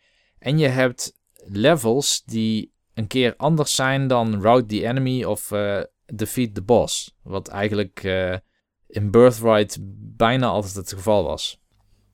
En krijg je dan ook, Niels, ik bedoel, als je Birthright speelt, dan nou ja, heb je gevechten op bepaalde plekken tegen dan eh, die Noor-familie waar je dan nu zeg maar bij hoort in eh, Ja. Conquest. Eh, zijn dat dan precies dezelfde gevechten die je ook bij- in hun storyline krijgt? Sommige wel, maar dan start je aan de andere kant van de map. Ja, Maar je hebt ook wel een aantal nieuwe maps. Ik denk dat het tot nu toe 50-50 is. Oh, dat is, dat is wel leuk. Dat, dat je niet eigenlijk hetzelfde spel aan het spelen bent. Alleen met iets ander verhaal. En dan inderdaad bij de map aan de andere kant start. Er zit dus Ja. wel echt meer in dan alleen dat. Ja, zeker. Oké. Overigens vond ik de laatste drie chapters van Birthright wel echt heel erg gaaf. Die zullen mij nog lang bijblijven. Want Birthright laat jou altijd op jouw eigen manier spelen. Omdat het een hele open-ended... Het heeft hele open-ended maps. Het doel is altijd verdrijf gewoon alle vijanden. Ja. Ehm, en helemaal op het eind, dan gaat het spel jou toch nieuwe dingen leren. Ehm, bijvoorbeeld chapter 24 is iets waar ik heel lang heb vastgezeten. Er komen zo verschrikkelijk veel reinforcements uit de lucht. Dat blijft maar gebeuren. Ik kon het niet halen, dat chapter. Ik dacht echt dat ik, ehm, dat ik underleveled was. Maar Ja. wat het spel mij probeerde te vertellen, is om te anticiperen hoe die waves komen. Er zit een ritme in. Je kan steeds net uit de weg gaan staan voor de volgende wave. En dat je net op de positie staat om, eh, om een soort advantage te hebben wanneer jij weer aan de beurt bent. Oké, een soort eh, Dark Souls onder de turn-based strategy Onder de games. Turn-based strategy games. Ja, het, ik, ik knijp hem net zoals bij Dark Souls, ja. Ja, oké. Ja, maar maar dus, pa- dus patronen leren kennen in dat geval. Juist, patronen, ja. Oké, Ja. nice. En dan wil ik eigenlijk Revelations bewaren, omdat er niet nog een Fire Emblem alweer aangekondigd is. Ja, je wil niet je fix in één keer helemaal er doorheen drukken. drukken. Nee, maar van de andere kant vind ik het ook wel charmant dat ik nu al sinds, wat is het, maart 2015 onafgebroken Fire Emblem games aan het spelen ben. Misschien moet ik gewoon weer dan beginnen bij eh, een Fire Emblem die ik al eerder heb gespeeld. Ja, want aan de andere kant, als je toch daaraan begint, je, je zit er wel in, zeg maar, weet je? Ja, en ik zou juist wel willen weten hoe die verhalen dan ook samenkomen. En of dat dan nog beter is dan die twee losse delen. Bij Revelations bedoel je? Ja, Ja. Ja, nou, ik, eh, ik ga gewoon door. Jullie hebben me overtuigd. Oh, dat hebben we snel gefixt, Steve. ja, dat, eh, ja hij wou het al hoor. Ja, hij had gewoon eventjes een klein duwtje in Ja. de rug nodig. Ja, Ja, nou ja, mooi. Eh, is er nog iets anders als je denkt, daar moet ik het heel snel en kort over hebben? Of, er is er eentje die aansluit op het hoofdonderwerp. oké. Ehm, gaming setups. Mhm. Ik heb laatst zo'n eh, Trustmaster T300 stuur gekocht. Force Oh, feedback wheel. Ja, voor je PC. Ja, en eh, daar heb ik twee games bij gekocht. Assetto Corsa en Formule 1 2016. En Assetto Corsa heb ik het misschien later nog wel een keer over, want dat is meer een simulatie dan een game. En ik weet niet hoe ik daar nu echt zinvol over kan praten. Maar Formule 1 2016 wil ik alleen maar even zeggen dat dit de beste Formule 1 game is sinds Jeff Cremens Grand Prix 3. Of Grand Prix Zo. 4. Dan gaan we wel heel, heel, heel stuk in de tijd terug, eh, Niels. Ja, dat klopt. Maar dat is ook omdat volgens mij in 1996 uit mijn hoofd. Toen eh, nam Sony de Formule 1 franchise of de IP over. Ja, moet ik het zeggen? Nam Sony het alleenrecht voor eh, Formule 1 games over. En ehm, hebben we eigenlijk alleen maar crap Formule 1 games gehad heel lang. Tot Ja, Codemasters het eh, weer heeft ge- overgenomen. ja je kreeg Formule 1 games bij Psychnosis vandaan en zo. Ja, Studio Liverpool was eerst Psychnosis inderdaad, ja. Ja, ja, Ja. die eh, op de PlayStation 1, de Formule 197 en dat soort titels was, stond een mooi Psychnosis logo op. Dat klopt, ja. Ja, dat vond ik vrij ja, normale, platte race games. Maar Ja. Formule 1 2016 doet iets echt heel erg goed. Het is niet zo realistisch, zeg maar, als Assetto Corsa, waar je met force feedback ook echt kan voelen dat je achterwielen grip kwijt beginnen te raken. En dat je ondertussen met je, voor, met je rechter voorwiel door het gras heen loopt te spollen. Zo, dat detail zit er niet in, maar het heeft wel een goede force feedback implementatie. Maar wat vooral leuk is, is de career mode. Want het, Oké. eh, waar Assetto Corsa echt een, een time trial game is, net als Drive Club eigenlijk. Weet je, je selecteert een auto, je selecteert een circuit en je gaat rondjes rijden. Ja, En er zit verder niet zo heel veel bij. geen poespas voor de rest, gewoon racen. Precies. Terwijl deze Formule 1 is net als FIFA, of hoe moet ik het zeggen, heel erg verrijkt met de, de kijkervaring. Dus je hoort ook eh, van die mensen die normaal er overheen praten, onze Olaf Mol zeg maar, maar dan die van Ja. Engeland. Ik weet even niet hoe die heet. En ehm, die geven commentaar op, eh, op de races. Maar wat ik vooral goed gedaan vind is, als je een career doet, dan heb je ook die, eh, die practices die je normaal op vrijdag, zaterdag doet. Er zijn altijd drie eh, van, die, eh, van die oefen... Oh ja, ja, ik kijk nooit Formule 1, maar ik heb wel mensen die dat kijken en die gaan dan op, op, op, op, op zaterdag al naar de, de kwalificatie of waar ze op Ja. de startpositie komen op zondag of zo eh, komen te staan. Klopt, Dat Niels, die, dagen- Niels die volgt het wel hoor. Daar ben ik, Ik wel de laatste wel, een paar ja. keer eh, achtergekomen. Oh, oké. Ja, want ik was natuurlijk afgelopen weekend bij Steven, volgens Nee, dat was het weekend daarvoor. En eh, toen zat ik constant ook op mijn telefoon te kijken. Hoe Oké. het was ook, niet, was ook niet de eerste keer. Daarvoor had ik het al een keer eh, ook meegemaakt. Dus mijn conclusie was, hij vindt dat leuk. Ja. Ik vind dat heel erg leuk. Ik hou dat bij. En ehm, ik heb ook dat wiel en het spel gekocht. Zodat als eh, Max Verstappen, die moest bijvoorbeeld afgelopen weekend in eh, Suzuka, eh, dat is het circuit van Japan, racen. Dan ga ik een paar dagen van tevoren al zelf dat circuit een aantal time trials doen. Een paar uur die rondjes rijden. Zonder andere wagens op de baan, gewoon puur ik en het circuit. En geef je dan ook je tips door aan Max via Twitter of, of gaat het Nee. zover niet? Oké. Nee, wat ik wil is dat ik begrijp wat de racers doen wanneer ik ze op televisie zie rijden. Ah, oké. Gewoon door Dus het circuit te kennen en waar welke bochten zitten. En dan kijken van hoe, de, hoe doen zij het zeg maar in het echi. Hoe doen zij het in het echi? En je ziet ook soms tijdens die practice rounds... hebben ze bijvoorbeeld een camera bij, eh, bij Nico Rosberg geïnstalleerd op de wagen. En dan zie je ook in welke versnelling die zit... en hoe snel die door een bocht gaat. En dan probeer ik dat dus ook te benaderen in het spel. En het is iets tussen simulatie en arcade in. Ja. Dus het komt redelijk in de buurt bij wat je op televisie ziet. Eh, maar het blijft wel echt een race-spel. Ja, oké. En in Maar de ben je- career mo- ja? Ben je er al beter van geworden, zeg maar? Als je dan kijkt welke versnelling hun door een bocht heen gaan. Of hoe ze, of hoe ze die bochten nemen. En als je dat dan probeert na te doen. Mhm. eh, hel- helpt je dat, zeg maar? Ja, zeker, want ik zet altijd alle assists uit in het spel. Ja. Dus ik zie niet wat de, de ideale lijn is of hoe snel je een bocht zou moeten nemen. Dat probeer ik uit door te racen. En soms zit ik echt uren op één circuit. En dan zit ik alleen maar hetzelfde rondje steeds te rijden. En ik blijf het nog steeds fascinerend vinden, want ik probeer elke keer weer een milliseconde van die tijd af te rijden. Ja. Nou, dat is best wel hardcore eigenlijk, Niels. En eh, je hebt ook een career mode. Daar moet je dus die practices doen. En eh, dat was voorheen altijd nutteloos. Dan kon, je, ja, dan kon je rondjes rijden, maar daar had je dan verder niet zoveel aan, behalve dat, dat je het eh, circuit leerde kennen. Ja. Maar hier, ehm, tijdens practice rounds, die duren dan 20 minuten. Want ik doe dan een, eh, een ko- verkorte versie ervan. Want ik heb geen zin om ook echt 60 rondjes te gaan rijden. Ik rij er 20, zeg maar.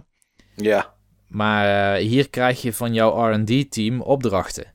Waarmee je bijvoorbeeld de remmen test of kijkt wat de topsnelheid van je wagen is. En ze geven jou opdrachten als je de pitstraat in staat. En dan kun je die proberen uit te voeren in de rondjes daarna. En door die opdrachten goed te doen en je banden op te warmen en dat soort dingetjes, krijg jij punten die je weer kan investeren in het verbeteren van je wagen. Dus het heeft deze keer ook echt zin om die opdrachten te doen. Nou, nou, dat is wel, wel slim. Want dan heeft het, Ja. snijdt het inderdaad een beetje hout, inderdaad.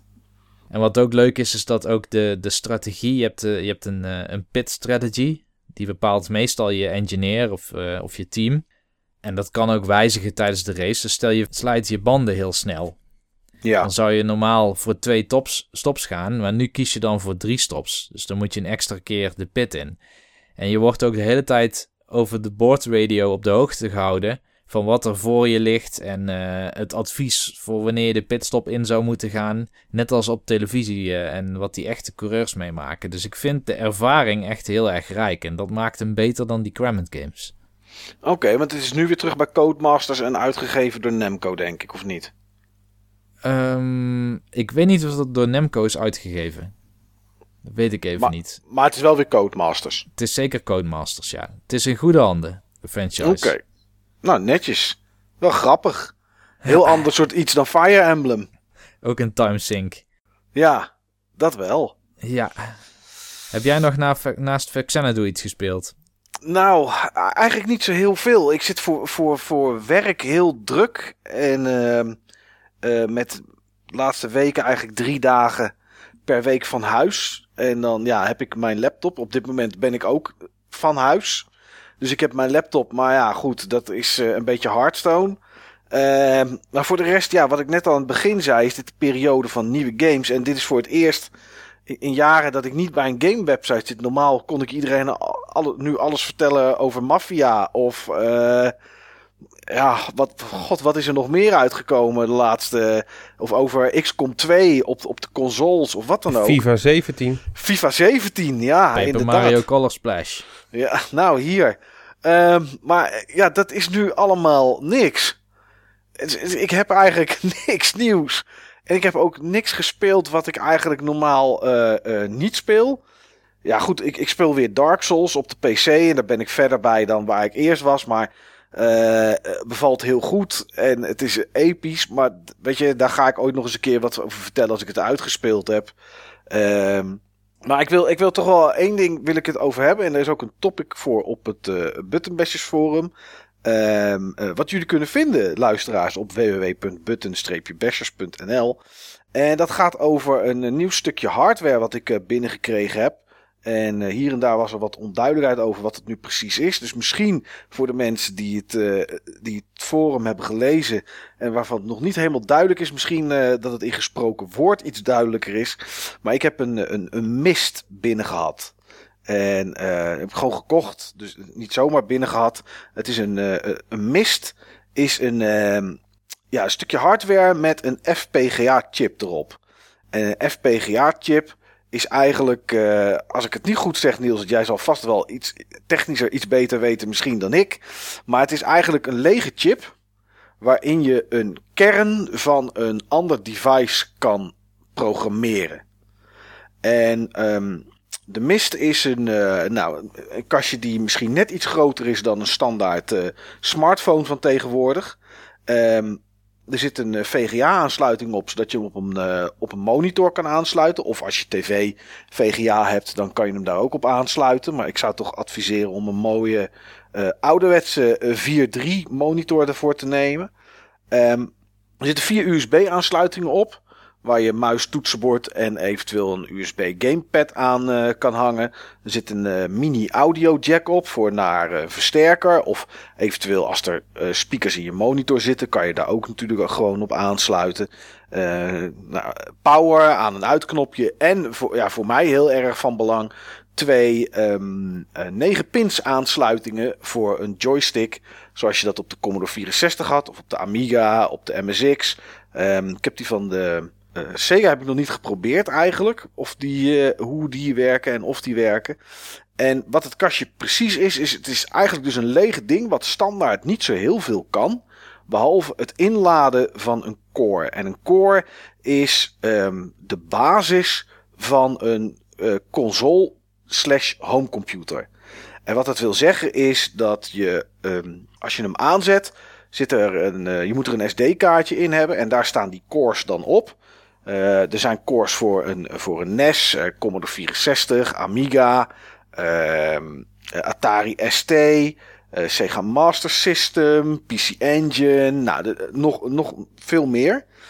En die cores die worden ingeladen in die FPGA-chip. En op het moment dat die core daar is ingeladen, dan wordt het apparaat met alle ehm, eh, eh, mankementen en, en pluspunten die de originele apparaten ook hadden. Hij wordt echt dat apparaat. En het gave daaraan is, is dat het, het is dus geen emulatie. Eh, je kan zeggen, ja, weet je, je kan ook gewoon emulator draaien en dan kan het allemaal nog beter worden dan, dan wat het was. Ja, dat klopt. Maar het is toch op een of andere manier voelt het als je het aan het spelen bent. En sowieso voor mij die eh, graag Amiga en Commodore 64 speelt, eh, kan het gewoon met de oude arcade joystick. Die heb ik gewoon aangesloten. En je, ja, je hebt dus echt het apparaat, zeg maar. Het is geen emulatie, het is geen nadoen, het wordt een soort kloon. Ehm, en daar ben ik de laatste tijd eigenlijk best wel redelijk druk mee geweest. Om een. eh, om, wat, ik, wat ik gedaan heb. Is voor de. Ik ben begonnen met de Amiga. Dat is toch van al die, al die systemen. eh gene waar, eh, waar mijn hart het dichtst, eh, dichtst bij ligt. Ehm, op de Amiga had je vroeger de Workbench. Dat was een soort. Ja, een soort Windows. Noem, om het maar zo te noemen. Of van de Commodore 64 had je Geos. Ehm en ehm, ja, je kan virtuele harddisken kan je bouwen en die kan je koppelen aan je Amiga, die, eh, aan die kern van die Amiga. En daar kan je dus bijvoorbeeld games op zetten die daar op die manier dus heel snel inladen, zonder dat je hoeft te gaan zitten wachten twee, drie minuten totdat je diskette geladen is. Ehm, je kan er ook virtueel diskettes aanhangen, gewoon de dingen die je normaal ook in een emulator zou stoppen. Ehm, maar ik ben dus bezig geweest om harddisken op te bouwen, om daar de workbench op te installeren. Eh, eigenlijk hetzelfde wat je zou doen met de hardware zelf, alleen dan nu ehm, ja, virtueel die harddisken opbouwen en ehm, ja, de, de, de, de, de kick-ROM, zeg maar, dus de BIOS van de Amiga en alles wat erachter zit, dat komt dan uit een core. En ja, die maakt daar dus een, eh, ja, een Amiga van, zeg maar. En dat is, eh, dat is waar ik een beetje mee bezig ben geweest eh, de laatste tijd. Maar dan vooral dan dat ding laten functioneren. Ja, ja als je hem. Als je hem ehm, eh, het, is een, het is een Duits product. En ehm, als je hem koopt en je zou hem zonder SD-kaartje kopen waar eh, cores op staan en waar wat dingen op geprepareerd zijn, dan wordt het wel een enorme zoektocht. Want ehm, er is één plek op het net eh, waar je die cores vandaan kan halen. Maar als je dan zelf, zonder dat je daar echt enige kennis van hebt, en die had ik ook niet, Ehm, ondanks dat ik heel veel met de Amiga gedaan heb, zijn dit toch dingen. Ik bedoel, ik had een Amiga 500 vroeger. Daar kon en daar zat geen harddisk aan. Eh, de workbench die zat erbij. Die kreeg je als je een Amiga kocht. Of die kocht je eigenlijk, want niks is gratis. Hebben we net begrepen van de koning. Ehm, maar je stopte daar ja, die flop in voor de workbench. En ja, waarom had je dat ding eigenlijk? Ja, om een keer een diskette te formateren. En voor de rest deden we er nooit iets mee. Want we speelden games of we maakten er muziek op of bekeken demo's. Ehm, als, je dat, als je dat vroeger ook gedaan hebt en je moet nu in één keer een workbench gaan installeren omdat je nu de mogelijkheid hebt om met harddisken te werken, ja, dan lukt dat met het apparaat zelf, met de mist zelf, lukt dat niet eens. Dan moet je dat echt gaan doen eh, met de emulator op je PC of op je Mac. Dus ik ben onwijs veel dingen aan het uitzoeken geweest, samen met een kameraad van mij. Eh harddisken aanmaken, partities, eh, nou, de, de, hele, de hele mikmak. En ehm, ik ben inderdaad meer bezig geweest met het rommelen dan echt met het, eh, met het spelen zelf. Omdat, eh, ja, om, om het zeg maar klaar te hebben om er straks gewoon echt rustig achter te kunnen gaan zitten en te kunnen spelen. En eh, ja, de Amiga is zover als we nu kunnen, zeg maar, is een soort van klaar. Dus dat is, ja, dat is, dat is in orde.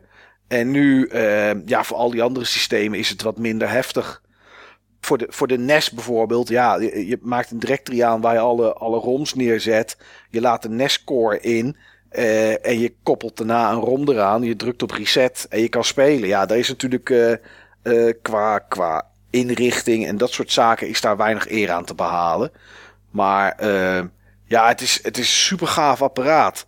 Het, het kost volgens mij nog geen 200 euro. En ja, voor die 200 euro heb je eigenlijk een heleboel systemen. Het enige, het enige nadeel aan het hele principe is dat die cores, ja, die, die moeten gemaakt worden door mensen.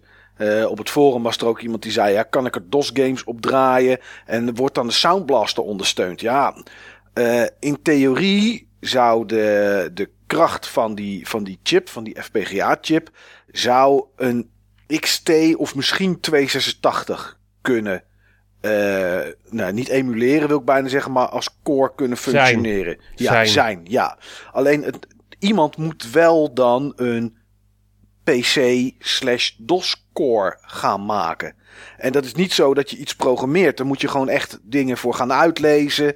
Eh, net zoals dat emulators wel eens worden gemaakt. Eh, met metertjes eh, gaan kijken van dat gaat hierheen, dat gaat daarheen. Het moet echt nagemaakt worden. Kijk, Ja. met, een, met een Amiga of een NES of zo, of met een Commodore 64 of een, of een Master System. Ja, daar, weet je, daar zit altijd hetzelfde in. Dat zijn altijd, eh nou, Amiga niet helemaal. Er zijn revisies geweest en dat zullen bij consoles ook geweest zijn natuurlijk. Maar weet je, daar, is, daar, daar kan je van iets uitgaan. Daar zit zo'n je kan soort- wel een best of class, eh, Precies. zeg maar 286 met de best mogelijke soundblaster van dat moment en de best mogelijke VGA-kaart van dat moment eh, maken. Ja, maar ja, iemand ergens ter wereld Zal moet het denken, wel moeten ik, doen. ik ga dat nu doen.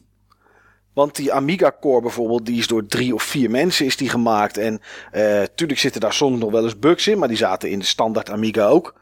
Eh, eh, voor de NES is er twee of drie weken geleden nog een nieuwe uitgekomen. Eh, een nieuwe core.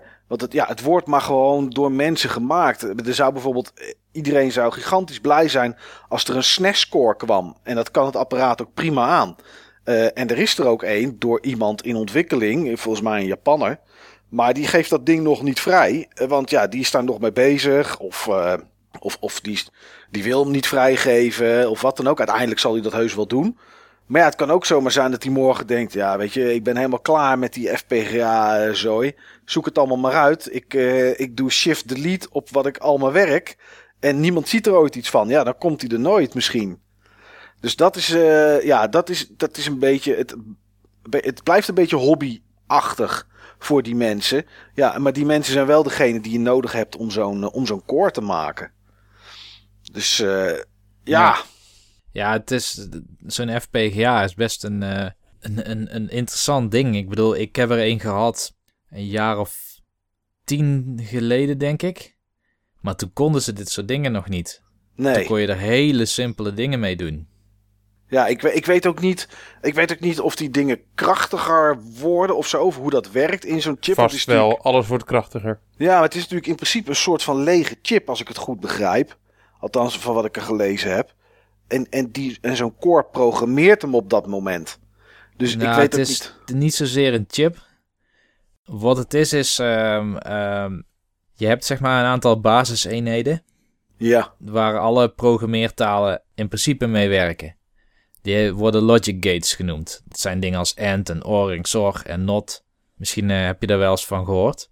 ja, ja, ja. If then else. Eh, nee, dat is nog een stap Oh. weer verder. Oh, oké. Oh, dat is al geavanceerd. Hoor Dat is, al, dat is al abstracter. Het is, Oké. het, het, zit nog, het, is, het is nog dichter, zeg maar, op de... Het is echt binaire logica. Mm, En ehm, jij kan daar verbindingen tussen maken met zo'n Field Programmable Gate Array. ja. En dat is eigenlijk wat je doet bij een FPGA. Je configureert hoe die gates ja, in elkaar, eh, met elkaar samenwerken. Zo, la- laat ik het zo noemen. ja. Nou ja, goed. En dat, is, en dat kost blijkbaar, om dat te maken, kost dat echt heel veel tijd. Ja, Dus, ehm, maar ja, goed. Ik, ik ben eigenlijk al wel heel blij met wat het kan. Omdat ik nu dus gewoon... ehm, ja, ik heb gewoon monitor staan. En ja, daar kan gewoon mijn joystick aan. Ik kan ook naar boven lopen en daar de Amiga aanzetten. Maar als ik daar dan een game op flop of iets wil spelen... dan moet ik hem of kopen als ik hem al ergens kan vinden. Want dat wordt ook steeds lastiger. Eh, of ik moet die floppen aanmaken door ze met een seriële kabel van mijn PC over te gooien eh, naar een flop. Dat duurt iets van 14 minuten per diskette. Eh, en dan heb ik er één, zeg maar. Ja, dat, dat kost gewoon heel veel, echt heel veel tijd. En op deze manier kan je ja, heel snel kan je heel veel, heel veel spelen eigenlijk. Je kan ook heel makkelijk switchen. Je kiest gewoon een andere core. Hij reset en je hebt de 64. Ehm, wat bij 64 mooi is, is dat ze heel veel games als een soort van eh, cartridge ook eh gereleased hebben. Eh, dat heeft dan weer een andere extensie. Dat is, heet dan een PRG. En je kan gewoon een PRG inladen. En je, je, loopt over die SD-kaart en je drukt op enter. En er gebeurt eigenlijk niks. Maar dan zit hij gewoon, is die game gewoon geïnjecteerd in het geheugen. En je tikt gewoon run en hij start gewoon op direct. Zonder dat je hoeft te laden en hoeft te wachten. Ja, dat is wel echt een hele mooie technologie. En dat is wel, eh, ja, ik vind het erg leuk om, eh, erg leuk om mee te spelen. Dus vandaar dat ik ook aan het begin zei, Steve, van Vexenadu ga ik nog wel een keertje verder spelen. Ja, het is op deze manier gewoon met, met een NES-core gewoon heel makkelijk om te doen. En dat... eh, En leuker, authentieker. ja, nou ja, het is echt. Je krijgt echt slowdowns. Als je Sensible Soccer, de eerste Sensible Soccer speelt op de Amiga, krijg je gewoon echt als er te veel poppetjes in beeld zijn, eh, krijg je slowdown. En dan zou je kunnen zeggen van ja, dat is toch juist hinderlijk, want je wil het zo goed mogelijk kunnen spelen. Maar dit is toch wel het authentieke gevoel, zeg maar, wat je erbij hebt. Eh, zeker, zeker met een gewone echte joystick ook in je handen, zoals dat, eh, ja, zoals dat vroeger was. Dus ja, dat is eigenlijk het enige wat ik echt een beetje gespeeld heb. eh, om, om, om het over te hebben. Ja, voor de rest, eh, tegen de tijd dat deze podcast uitkomt, heeft het niet zo heel veel nut meer. Maar toch voor mensen die luisteren en nooit op het Buttonbashers forum komen. Elke maand hebben we een retro challenge. Deze maand is die iets minder retro. Ehm, maar op dit moment spelen we Zen Pinball 2 of Pinball FX. Eh, afhankelijk van op welk, eh, op welk platform je, je speelt. En daar zit een eh, gratis kast bij. Althans, dat was voorheen zo. Inmiddels begint dat een beetje wiebelig te worden. Want ik geloof op Xbox 360 dat het 2 euro kost voor de basisgame. Ehm, en daar zit dan een kast bij. Maar goed, we zijn daar in ieder geval op dit moment Sorcerer's Lair aan het spelen. En dat was een kast waar ik voorheen een highscore op had van 181 miljoen. Ik hoorde dat woord voorheen. Ja, inmiddels is die 303 miljoen. Ehm, en dan mag je best een pittige 30, 35 minuten voor spelen, denk ik. Maar eh, ja, er zijn mensen mij voorbij op het moment dat we opnemen. En eh, ik stond, denk ik, toch een, slordige 5, 6 dagen bovenaan met mijn score. Maar inmiddels zijn er mensen die echt op 3, volgens mij 3,38 of zo zitten. En dat is een behoorlijk hevige strijd, moet ik, eh, moet ik zeggen. En ja, ik geloof dat jij het ook even gespeeld hebt, Niels, zag ik. Ja, ja, ja.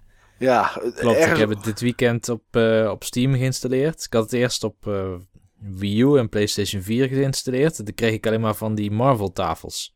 Oké.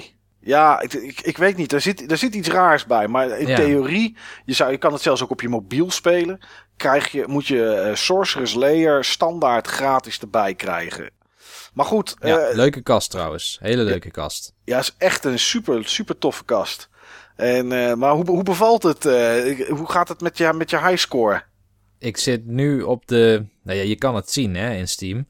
Klopt. Maar ja, ik ben niet thuis, dus ik zie niet zoveel nee, meer. nee, maar ik zit pas op de 10 miljoen.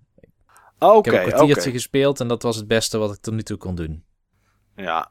Ga je nog wel voor een iets hogere score deze maand? Oh, zeker. Zeker. Oké, oké. Nou, dat is, eh, dat is in ieder geval goed. Ja, wat het volgende maand is, ja, dat is voor ons ook nog een verrassing. Maar eh, ja, dus dat is, dat is ook nog iets wat ik, eh, wat ik een beetje aan het doen ben op dit moment. Ehm, ja, ik bedacht me net, terwijl ik over de mist aan het vertellen was, jongens, dat ik inmiddels in huis drie gaming setups heb staan. Dus ehm, ja, als we er allemaal iets over moeten gaan vertellen, dan denk ik dat het tijd wordt om snel door te gaan naar het hoofdonderwerp. Eh, wat dus over gaming setups gaat.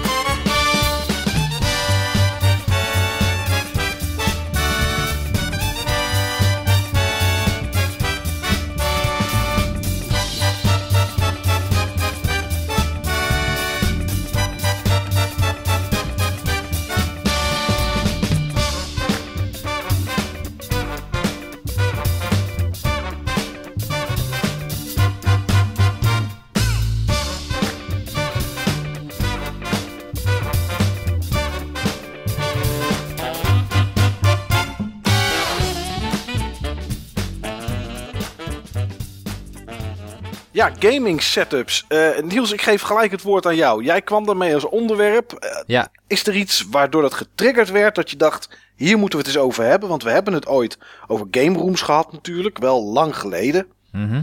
Eh, hoe, hoe, hoe kwam je erbij dat, dat je het een keer over game setups wilde hebben? Nou, daar waren twee redenen voor. Eén, ik heb een hele aparte game setup gemaakt. Maar dat was niet de directe reden. Want die heb ik pas gemaakt nadat we dit onderwerp al hadden besloten. Oké, De reden is, en die noemde je net al, de Game Rooms aflevering. ja. Ik geloof dat er twee luisteraars zijn die ooit hebben gepost op het forum. Dat ze hoopten dat daar een vervolg op kwam. Oké, Ja, wel meer hoor. Er hebben meer mensen in de loop der jaren gevraagd om een vervolg. Oké, nou ja. In ieder geval voor al die mensen. Dit is een spirituele opvolger. ja. Ik denk dat we ook nog wel een Game Rooms 2 doen. Vast wel Maar keer. deze die zoomt in op een heel specifiek aspect. En dat is, hoe staan jouw consoles erbij? Ja. Nou, en, En, dat hoe is... haal je het maximale eruit? Of hoe, hoe heb je dat vroeger ervaren? En, en wat was je setup? Ja, Ja. nou ja, dat is wel. eh want je had er een, een, een, topic voor aangemaakt, eh Niels, op het forum. eh, om aan mensen te vragen hun game setup. Dat, wat ik wel mooi vond, was dat dus niet per se mensen hun game room gingen posten. Maar dat mensen echt setups van hoe ze aan het. eh, hoe, ze- hoe, ja, hoe zij games spelen. Ja, Beleven. zoals je bedoelt. En, wa- en wat daar ook nog wel een grappige vraag bij was, is waar zeg maar moet het aan voldoen? En dan zie je dus wat jij net zegt, Steve. ehm, maar daar komen we straks wel op terug. Dat sommige mensen dus eigenlijk het helemaal niet zo belangrijk vinden om daar alles uit te halen. Qua beeldkwaliteit ehm, en geluid dat ver- bijvoorbeeld. dat verbaast me. Want ik, eh, ja, dat, dat zit gewoon, dat staat heel erg haaks op hoe ik in elkaar zit eh, zelf. Ja, En eh, ja, dat, dat, dat vond ik wel vond ik, vond ik mooi en opvallend. ja. Want als, als ik naar mezelf kijk, ik heb drie game setups, zeg maar. Ik heb mijn zolder, wat dan ook zeg maar mijn game room is. Ik Eigenlijk is jouw zolder een, een verzameling game setups. Ja, ja dat, er staan eh, iets van 12 of 13 tv's. In verschillende smaken, soorten en, en, en, en versies. Ehm, maar dan, dan heb ik een plekje waar mijn mist staat. Dat is niet op mijn zolder. En ik heb de huiskamer, zeg maar. Waar mijn, eh, mijn nieuwe consoles staan. En, en dan ook nog mijn PC. Ja. Misschien heb ik, er dan, heb ik er dan vier als ik er eh, zo over nadenk. Eh, hoe, hoeveel van dit soort plekken heb jij, Steve? Twee. Twee. En er moet uiteindelijk een derde bij komen. Oh, wat is. Ja. doe, eens, doe, eens, doe eens vertellen. Nee, dat komt wel. Oh, nou bedankt. Niels, hoeveel game. hoeveel, hoeveel setups heb jij, Niels? Ik, ehm, ik heb er eh drie en een half. Drieënhalf. Weer, weer zo'n vaag antwoord. Ga je daar ook niks over vertellen? Is, er weer, is die halve Natuurlijk, ook nee, in ik wil er best iets over vertellen. Oh, nou, wa- wat zijn die setups? Oké, eh, je hebt er twee van gezien, Mike. Ja, dat klopt. Ja, eh één setup is in, eh, in de woonkamer. Ja, Daar staat eh, een televisie met, eh, ik denk een stuk of zeven consoles of zo. Waarvan er drie aangesloten zijn permanent en de rest kan ik wisselen. ja. Wat voor, wat voor soort tv staat daar? Dat is een, ehm, zo'n Panasonic Plasma TV. Ik Oké, weet heel even plasma. niet welk type, Viera of zo. Ja, Dat zijn Viera's. Ja, ja, daar ben ik extreem tevreden over, over die televisie. Daar moet je ook extreem tevreden over zijn, want die zijn goed. Die hebben heel weinig input lag. Ja, precies. Weinig input lag, hele goede... Goede zwart, alleen- eh, goede zwartbalans voor een, eh, voor, voor een plasma. Vooral dat, ja, die zwartbalans. Zwart is niet echt helemaal zwart, maar... nee, ehm, blijft een plasma. Ja. Ik, eh, mijn broer heeft een, eh, een LED-tv. En Ja. daar is zwart voor mij echt vrij lichtgrijs. ja, maar ja, alles is verlicht natuurlijk. Ja. Ja. Ik heb hem ook gecalibreerd, hè, voor... eh, je, hebt het, je hebt natuurlijk THX-standaard, maar je hebt heb ook... je hem gecalibreerd op gevoel of heb je hem gecalibreerd met zo'n dingetje wat je erop zet en wat dingen meet? Ik heb hem gecalibreerd op basis van een internethandleiding voor die specifieke televisie. Oké. Eh, daar kom je heel eind mee. Ja, maar, eh, Maar, niet eh, elke televisie is elke televisie natuurlijk. Nee, dat klopt. Dat klopt. Eh, je hebt verschillen per paneel. En kijk, zo, heb je sowieso een goede basissetting hoor. Maar echt kalibreren is met een apparaatje wat zeg maar dingen aangeeft. Wat echt gewoon zeg maar meet hoe blauw iets is en hoe blauw Ja. iets zou moeten zijn. En dat je dan vervolgens op, daar, op basis daarvan weer bijstellingen kan maken. Ja, voor Niels zou het wel handig zijn om een apparaatje te hebben die vertelt welke kleur het is.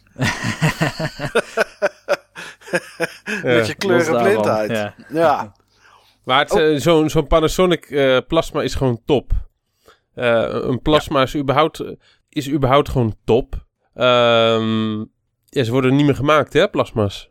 Het is, OLED zou de opvolger moeten zijn. Ja. Is het nog niet, eigenlijk. Nee. Is het nog niet qua prijs? Is het nog niet qua, ja, qua nadelen? Een plasma heeft ook nadelen, hoor. Een plasma die eh, verbruikt toch aardig wat energie. Ja, levensduur is wat beperkter ten opzichte van, eh, van, een, eh, van een LED-tv. Op een gegeven moment beginnen ze, die plasma-tv's eh, eh, lichtintensiteit te verliezen. Ja, hij Duurt wel lang, hoor, maar- toch? Of niet? Een plasma. Sorry? Branduren inderdaad, ja klopt. Ja.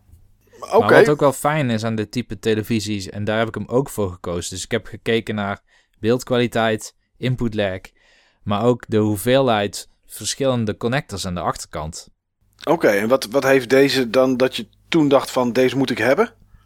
Deze heeft sowieso vier HDMI's, Ja? components, composiet en twee SCART. Oké, ook nog SCART. Dat is wel Ja, netjes. en, en zelfs zo'n, eh, hoe heet dat ding ook weer, coax. Oké, ja. Oude, ja, goed. Dit, eh, ja, die heeft mijn tv ook nog. Puur Dus omdat de daar... Master System kan er ook nog aan. Ja, Ja, Die modu hij heeft ook echt een, ehm, een modulator die daar geschikt voor is. Want sommige eh, van die tv's die hebben wel coax, maar die hebben geen... eh, maar dat dient dan puur alleen zeg maar om eh, een digitaal signaal uiteindelijk mee op te vangen. ja. Want zeg maar in, een, in, zo'n zeg maar, zo'n tv-kastje gaat natuurlijk ook gewoon coax. Alleen daar komt geen analoog signaal meer uit. Nee. Nee, dat klopt. Maar hiermee kan ik wel Master System spelen. Ik heb hem laatst nog aangesloten voor eh, een van die retro... Wat, nee, klassiek fantastiek topics. oké. Oh, nou, dat is, dat, is wel, dat is dan wel netjes. Dus een complete tv, zeg maar. Ja. Ja. Al, al moet ik zeggen dat tv's met vier HDMI's tegenwoordig eigenlijk voor mij al te weinig zijn. Maar ja, goed, ze zijn er nog niet met meer, zover ik weet. Ja, bij mij is, is het niet zozeer dat ik nu inputs tekort kom. Het is meer dat ik geen, ge- niet genoeg stopcontacten heb. Oké, Daar Ja. kun je natuurlijk wat aan doen. ja. Maar ik wissel nogal van, eh, van consoles, hè. Dus Ja. ja. ja, ik zit toch altijd met die draden. Die lopen mij ook voorlangs. Die zijn niet net zoals bij Steve, zeg maar, netjes achter weggewerkt. Nee. Ik ben allergisch voor draden. Ja, t- ja, ja, goed. Dat gaan we straks nog wel horen bij die derde plek, Steve. Hoe dat dan nu zit met die draden. Ehm, maar goed, dat is, dat is er één, eh, Niels. Dan heb je je PC natuurlijk. Ja, en de PC, en daar zit ik nu dus veel vaker om te gamen ook. Ja, En ehm, ja, die heeft vooral hele goede geluidskwaliteit. ja, dat heeft hij zeker. Potverdorie zeg, wat ben ik daar jaloers op. Maar ja, goed, als ik dan hoor wat het bedrag is dat jij voor dat, eh, voor dat, voor dat neer hebt gelegd, dan denk ik van oké, ik accepteer maar dat het bij mij niet zo wordt. Maar eh, ja, het is, hoort toch bij je setup. Wat, wat heb je qua geluid daar, eh, Niels? Ja, mijn geluidskaart is een Lynx Hilo. En dat, eh, dat wordt een eh, Mastering Grade Digital to Analog Converter genoemd. Ja, Ja, dat ding dat kost, ik geloof adviesprijs 2500 euro. Ja. En dat is dan alleen de kaart. Ja, dat is. ja, vroeger heb ik ooit eens volgens mij 200 gulden voor een Sound Blaster AWE 32 betaald. Ja, Of een AWE 64 daarna. Maar het zijn toch wel heel ander soort bedragen dit. ja, maar je hoort het verschil enorm. Ja, dat, Als is, je daar dat is ook- ook zo. Goede speakers aan hebt hangen. Ja, Ja, dus die heb ik er ook bij. Dat zijn eh Klein Hummel O300. Tegenwoordig is het overgekocht door Neumann, geloof ik. Dat is een, eh, een vrij bekend merk. Of Sennheiser is geloof ik de publisher er ook van. Maar goed, het is een drieweg speaker. Dat betekent dat er drie speakers in één kabinet zitten. Dus één voor het eh, laag, één voor het mid en één voor het hoog. Meestal heb je laag en hoog. Dat zijn er dan twee. En die twee konussen, zeg maar, die moeten dan bepaalde trillingen voor elkaar krijgen dat dat mid ook gebeurt. Ja, je kan je voorstellen dat als er één konus is, dat een heel ja, complex frequentiespectrum moet laten horen, dat dat ten koste gaat van de precisie. Dus dat is bij mij dan opgedeeld in drie lossen. Ja, En dat is dan ook nog eens een speaker wat volgens mij door de Duitse overheid gesubsidieerd is. Want die wilde een nieuwe, hele eerlijke referentiemonitor laten produceren. Dus ze hebben geloof ik iets van 15 miljoen geïnvesteerd om nieuwe technieken voor speakers te ontwikkelen. en die staan bij jou thuis. En die staan nu bij mij thuis. En daar speel ik Civilization 5 mee. Ja, en even, even ter referentie zeg maar, die speakers die waren ho- hoe duur per stuk? Ik had een vriendenprijsje. Het scheelde echt een paar honderd euro per speaker. Maar ik heb er 1500 per stuk volgens mij voor betaald. Ja, Dat, is, eh, dat is echt wel geld. Ja, Dat hoor, dat hoor je wel. Dat, dat hoor je er wel aan af. Dat durf ik wel te zeggen. ja, dat is echt een vriendenprijs hè Steve? Mijn 1500 broer heeft duurdere speakers hoor. Echt waar Ja. ja? Ja, ja, ja. Ja, Ja, het zijn geen hi-fi speakers. Hè. Ze zijn niet bedoeld om dingen mooi te laten klinken. Ze zijn bedoeld om jou Om te laten horen. accuraat, om Juist. accuraat te zijn. Ja. oké. Ehm, nou, dat is prijzige setup 2. Daar zit tegenwoordig dan Ja. een stuurtje bij natuurlijk. En een muis en een toetsenbordje. Controllertje zal er denk ik ook liggen. Nog een eh, Xbox 360 controller. Prima controller voor de rest. Ja. Ehm, ik ga even naar die N1,5. Ja, Want dat stuurtje, eh, daar zat ik een beetje mee. Die moet je namelijk eigenlijk monteren aan je bureau. Maar ik heb een vrij dik blad. Dus ik kreeg dat ding er niet omheen. Die klem van het stuur. Anders dan glijdt die steeds weg. ja. Eh, hij, het, ja, het is force feedback. Het is vrij krachtige force feedback. Dus op het moment dat ik hem gewoon los ergens neer zou zetten, dan mapt hij zichzelf volgens mij op een gegeven moment gewoon van, eh, van de tafel af. Oké. Dus ehm, ik heb een, ehm, een soort houten kist. Die is eigenlijk bedoeld voor 19-inch rack. Ja, muziekapparatuur. Ja, Microfoon voor, voor versterkers, equalizers, compressors. Eh, maar die liggen allemaal bij mijn neef in de studio. Dus ik had het rack gewoon over. En het rack is nu een, een portable eh race station geworden. een stuk 19 inch rek dus. ja, dat is van hout. Dat is een, eh, een, het ziet eruit als een soort holle kist. Ik, Ja. kan daar het, eh, het, ik heb daar het stuur op vastgeklemd. Daar eh, kan ik de pedalen ook inschuiven en een toetsenbord en een muis. en eh, dan heb ik gewoon twee stekkers. één naar, naar USB, naar mijn PC of eventueel console. En één naar een stekkerblok. En dan kan ik het heel makkelijk aan de kant zetten. Dus hoef je niet elke keer alles te demonteren. Ik zet gewoon in één keer een, een, een, een stuk rek op tafel. Daar zit meteen alles in en aan wat ik nodig heb. En ik kan Ja. gaan. Schitterend. Echt, eh, Niels is gewoon zo efficiënt. Dit zijn gewoon life hacks. Ja, Het is een soort lifehack. Een soort Nick en Rob. ja. Oh, Plus, schitterend eh, zeg. Ik zie hem al rijden met zijn, eh, met zijn 19, met zijn houten 19 inch rekje. En eh, die zet hij voor hem neer en dan kan hij racen. Ja, maar als ik Formule 1 2016 ga doen, of Assetto Corsa, dan heb ik ook een soort van seat gemaakt. Alsof ik in zo'n raceauto zit. Oké. Want ik kreeg al heel snel last van mijn rug. Doordat Ja. ik heel vaak op een puntje van de bank of op een puntje van een stoel ging zitten. Eh, want je zit heel erg naar voren, want je, je, je zit zo in die actie. Toen heb ik bedacht dat je eigenlijk een beetje zou moeten liggen. Alsof je in een soort tuinstoel zit. Ja. Eh, maar ik heb geen tuinstoel, dus daar houdt het al op. Maar met een combinatie van een bank en een poef in mijn rug eh, heb ik... Wat, wat is dit voor Frankenstein monster? Het zit heerlijk. ja, dat Het zit lekkerder dan in een echte auto. Oh, schitterend. Heb je er ook gordels aan genaaid? Nee, maar ik zat dus net te denken nu ik het vertelde... dat voor de echte ervaring zou je ook nog een gordel moeten hebben. Ja. Oké, dus je, je hebt een stuk bank en een poef. En, en, en die poef zit dan in je rug, toch? Neem ik aan. Ja, ja. Ja, oké. En dan zet je je ja, 19 inch rek voor je en dan kan je racen. Ja, eventjes de pedalen op de grond natuurlijk. Ja. Want eh, als ze in dat rek zitten, dan kan ik er nog niet bij. Nee, want eh, er zit er natuurlijk eh, er zit er, zit er, zit er een balk voor eh, onderaan. eh. Klopt, ja. Maar dan, dan kan ik uren achter elkaar zo'n zo'n spel doen. ja, Anders dan eh, ben ik binnen 20 minuten echt wel klaar.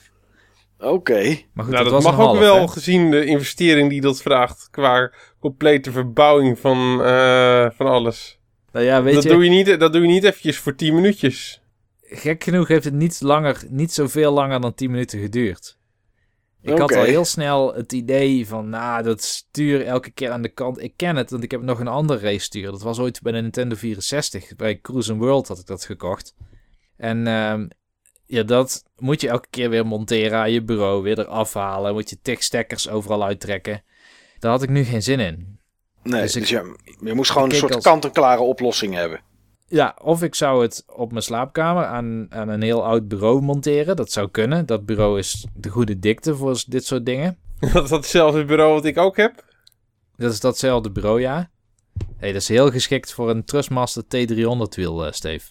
Nou, daar heb ik hem ooit, zeg maar, 20 jaar geleden op gekocht. Ja, precies. Steve heeft inderdaad hetzelfde bureau, kwam ik laatst achter. Maar eh, daar zou ik hem aan kunnen monteren. Maar eh, ik zag al snel dat ik dat rek niet meer nodig had. En eh, dat idee met die poef, dat kwam ook maar snel nadat ik last van mijn rug kreeg. Ja. Dus zodoende. Nou, dat was de half. Ja, de laatste setup, die staat op mijn slaapkamer. Daar staat nog een Samsung flatscreen. En daar staan twee consoles, nee drie consoles bij. PC Engine, een NES en een Mega Drive. Oké.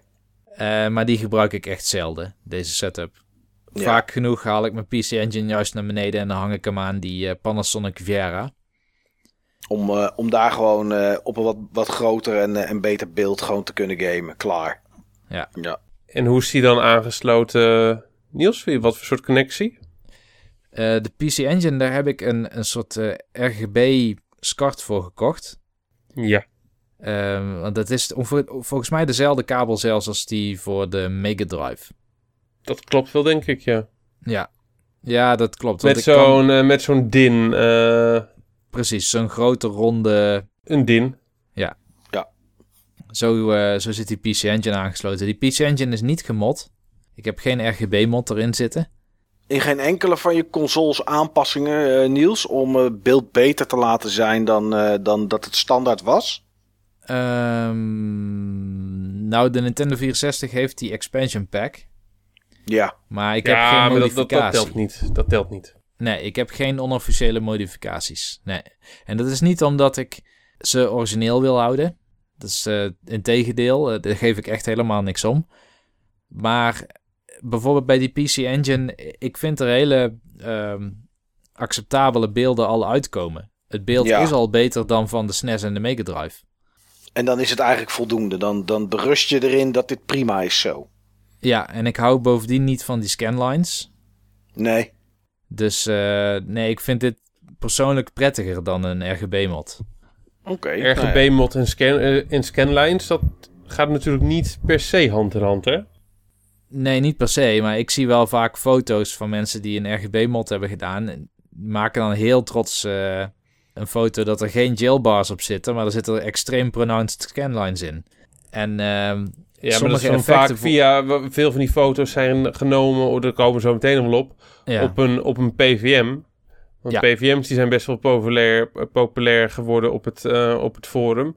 Sommige mensen hebben ook gewoon echt een, eh, een, een, een tv die vroeger is ingezet in een professionele omgeving. Een tv die ooit meer dan 10.000 gulden heeft gekost. Ja, En eh, die zeg maar als kenmerk juist heeft van dat er hele, eh, hele duidelijke waarneembare scanlines in zitten. Ja. Dat komt absoluut niet door die RGB. wat ik niet in wil leveren in mijn games. En dat vind ik ook wel leuk. Ik heb toevallig eh, een, een livestream van Nintendo UK gezien over die ehm, NES Mini. Oh ja. Classic. En die heeft ook drie modussen waar je op je in kan stellen. Je kan hem zetten op eh 4 staat tot 3 beeld. Je kan hem zetten op Pixel Perfect. Dan is het zoals de DevKit de game zou laten zien. En dat waren namelijk volgens mij op vierkante schermen. 100% vierkant, klopt. Ja, 100% vierkant. En je hebt een, ehm, ja, zeg maar een soort van composiet-emulatie. Dus hoe je het op je televisie zag in die tijd. Dus dan kun je gewoon wel HDMI kwaliteit naar je televisie sturen. Maar er zit een filter overheen waardoor je een klein beetje die color bleeding krijgt. Die je op CRT-schermen had. Ja.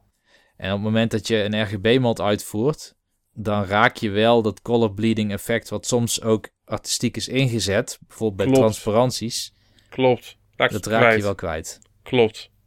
Ja, maar ja, dat is een keuze natuurlijk. Die, eh, dat is dan een soort kies tussen twee kwaden. Voor Dat mensen is denk die ik dat een heel willen. persoonlijke keuze, ja. Ja, Ja. Ja, ehm, dat, eh, dat, dat bleed of ditter effect werd bijvoorbeeld op de Mega Drive vaak eh, ingezet voor, eh, voor rook- of mist effecten. En, Ja, eh, daar kan voor het natuurlijk goed en voor om het, eh, en om het eh, kleurenpalet eigenlijk artificieel uit te breiden. Eigenlijk eh, op, een, op eenzelfde, met dezelfde techniek die ook ingezet werd door, eh door portilisten, expressionisten.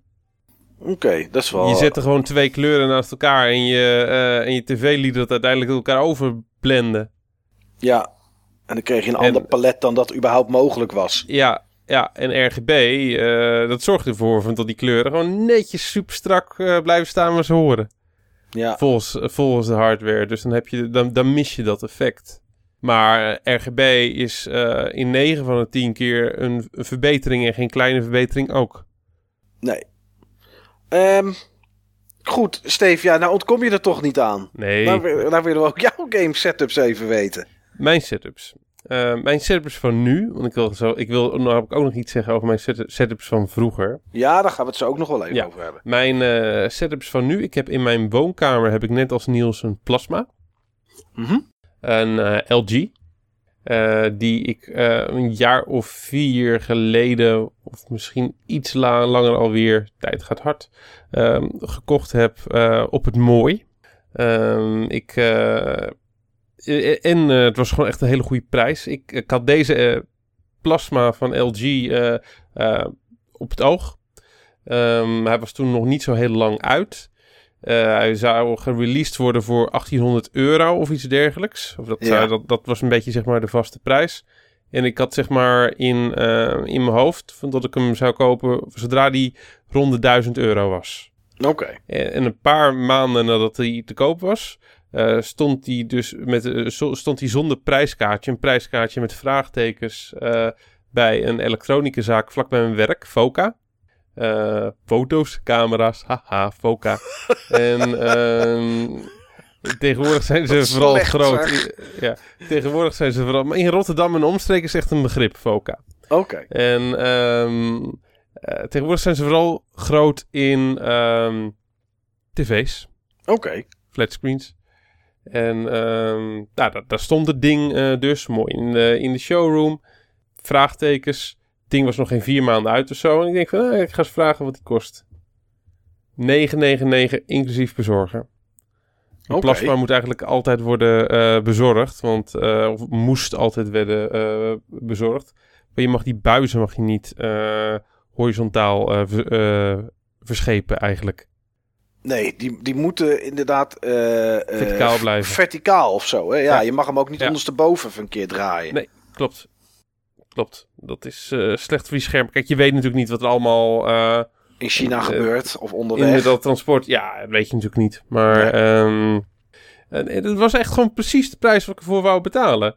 En Ja. echt maanden en maanden eerder dan ik, dan ik voor mogelijk eh, hield. Ja, helemaal inderdaad, als die maar een paar maanden oud was en dan al in één Ja. keer van adviesprijs, wat nooit de winkelprijs hoeft te zijn, in één keer 800 euro van, dan de, van de adviesprijs af naar beneden was, is dat Ja. eh, wel een mooie deal. Echt, eh, Het was echt helemaal top. En eh, nou, ik heb dat ding dus direct eh, gekocht. Eh, eh, uiteindelijk ook met de maat van mijn mooi eh gewolmount eh, op mijn, eh, aan, mijn muur. Eh, kabels netjes we- weggewerkt. Kleine fetish. Ja, Dus ehm, ik ben nog steeds heel blij mee. Eh, ik, ik vind het gewoon echt een, eh, een goed ding. Voor de prijs is het echt gewoon een briljant eh, ding.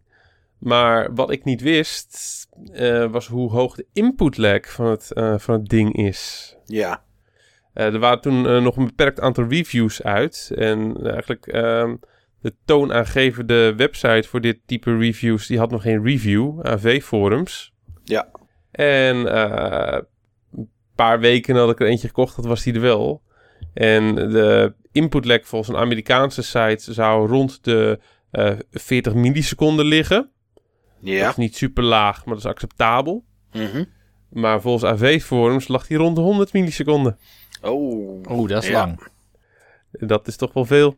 Ja. Dus ik zeg wel eens tegen mijn maat, eh, wacht maar tot ik een goede tv heb, dan destiny ik jullie er allemaal uit. Ja, nou ja. Nu we het er toch over hebben, je merkt het echt, hè? Je merkt het echt. Ja, ja. Ja. En eh, ik moet zeggen, eh, het is ook wel. ehm, kijk, bij, bij bepaalde games merk je het meer dan, eh, dan andere games. Ik vind bij 30 frames per seconde games merk je het al minder.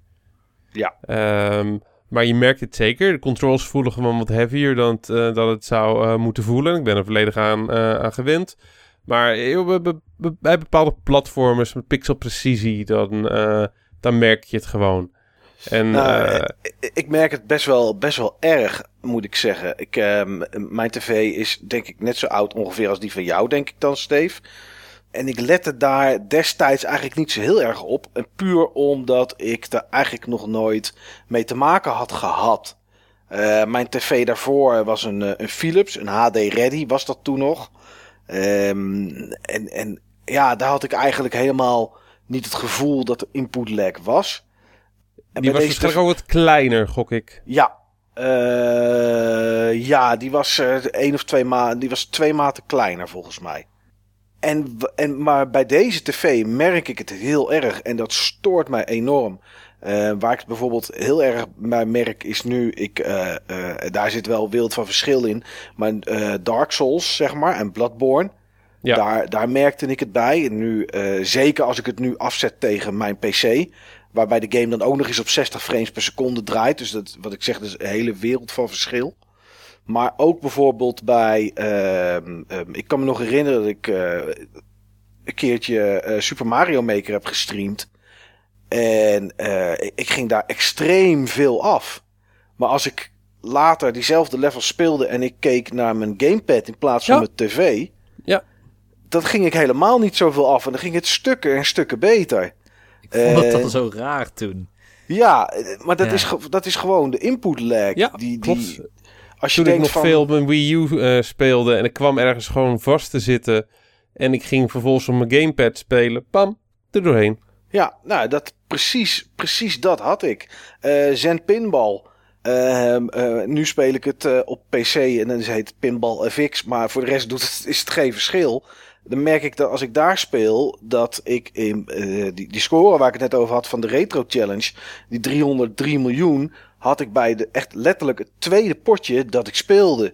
Die 181 miljoen die ik op de PS4 heb gehaald, heb ik echt avonden, dagen, daar heb ik, nou, da- daar zijn echt wel honderden potjes doorheen gegaan. ja, Eh, zeker met een pinball game, joh. Dat, eh, dan, dan moet je echt geen input lag hebben. Nee, het, het is zo. Bij, eh, zodra het echt van je re- reflexes afhankelijk is. En echt tot op de milliseconde of je de bal wel raakt met je flipper. Of dat hij er gewoon overheen rolt. Ja, dan, dan is het echt. Ja, dat is echt funest. En dat is. Rond, eh, de, rond de 30 milliseconden, 35, 25, eh, al- alles zeg maar in die regionen, ja, ben ik geneigd om te zeggen, merk je niet. Moet je, heb je zul, eh, als je zulke mega reflexen eh, hebt van dat je dat merkt, en die zijn er hoor. Maar Ja. Jan, Jan met de pet zal dat niet merken. nee. Maar zeg maar, zo, het type input lag waar ik het over heb, 90 tot 100 milliseconden. Ja. Nou, dat is fors. Ja, ik heb een keer opgezocht. Mijn tv heeft iets van 58 volgens mij. Dat is ook te hoog. Ja, dat, dat is ook te hoog. Zeker als, Ja. omdat ik nu aan de monitor zit met 5 milliseconden input lag. Eh, Ja. Dat, Ja. is non- dat is gewoon non-existent. Precies. Dus dat is wel, eh, ja, dat, dat, dat merk je. Dus ik, eh, ik wil wel naar een nieuwe tv. Maar ja, dan eh, wil ik toch, als je iets wil, tenminste wat ik nu tegenkom, wat gewoon goed is, zit je aan een 16, 1700 euro voor een mooie, voor een, een mooie OLED-tv. Waar de input lag iets van 32 milliseconden is of zo. 1080p. Ja, Het, Ja. hetgeen, wat, hetgeen wat ik wil, is op dit moment niet koop. oké, omdat het niet te maken is, of omdat het niet gemaakt is, of omdat het, is te duur dit, is. Het is op dit moment gewoon niet. Ehm, ik, ik wil een, ehm, ik wil een 4K-tv met HDR en weinig input lag.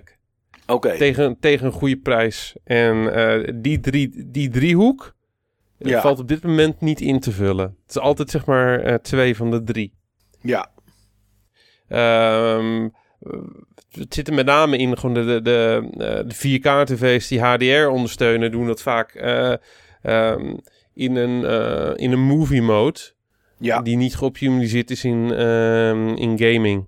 Nee, dan krijg je heel veel post-processing wat, daar, eh, Ja. wat daarin zit. Ja. Dan wordt er achteraf te veel effect toegevoegd en dat soort dingen, waardoor er echt heel veel lag optreedt. Ja, ik denk dat, dat, je, dat je gewoon moet wachten tot 2017 of 2018 voordat je gewoon hebt wat ik wil. Ja, Ik wil eigenlijk gewoon een, ehm, een 4K-tv op basis van OLED met HDR en goede input lag. Dat is er niet. nee. Anders heb ik het gevoel dat ik gewoon echt een stap terug doe vanaf eh, met, mijn, eh, met mijn plasma. Ja, nou ja, dan krijg je een beetje het gevoel dat je eh, maar, dan maar genoegen neemt met minder. En dat is eigenlijk wat je niet wil. En een ander ding, lichtopbrengst. HDR, veel goedkopere HDR-schermen, die zijn geoptimaliseerd op, ehm, op donkere kijkomstandigheden. Het is een beetje movie mode-achtig. en het, het, het is, het, het zit een beetje in dezelfde hoek als, eh, als THX-instellingen. Ja, ik, ik speel er niet mee, ik kijk er niet mee. Ik vind dat vrij flats.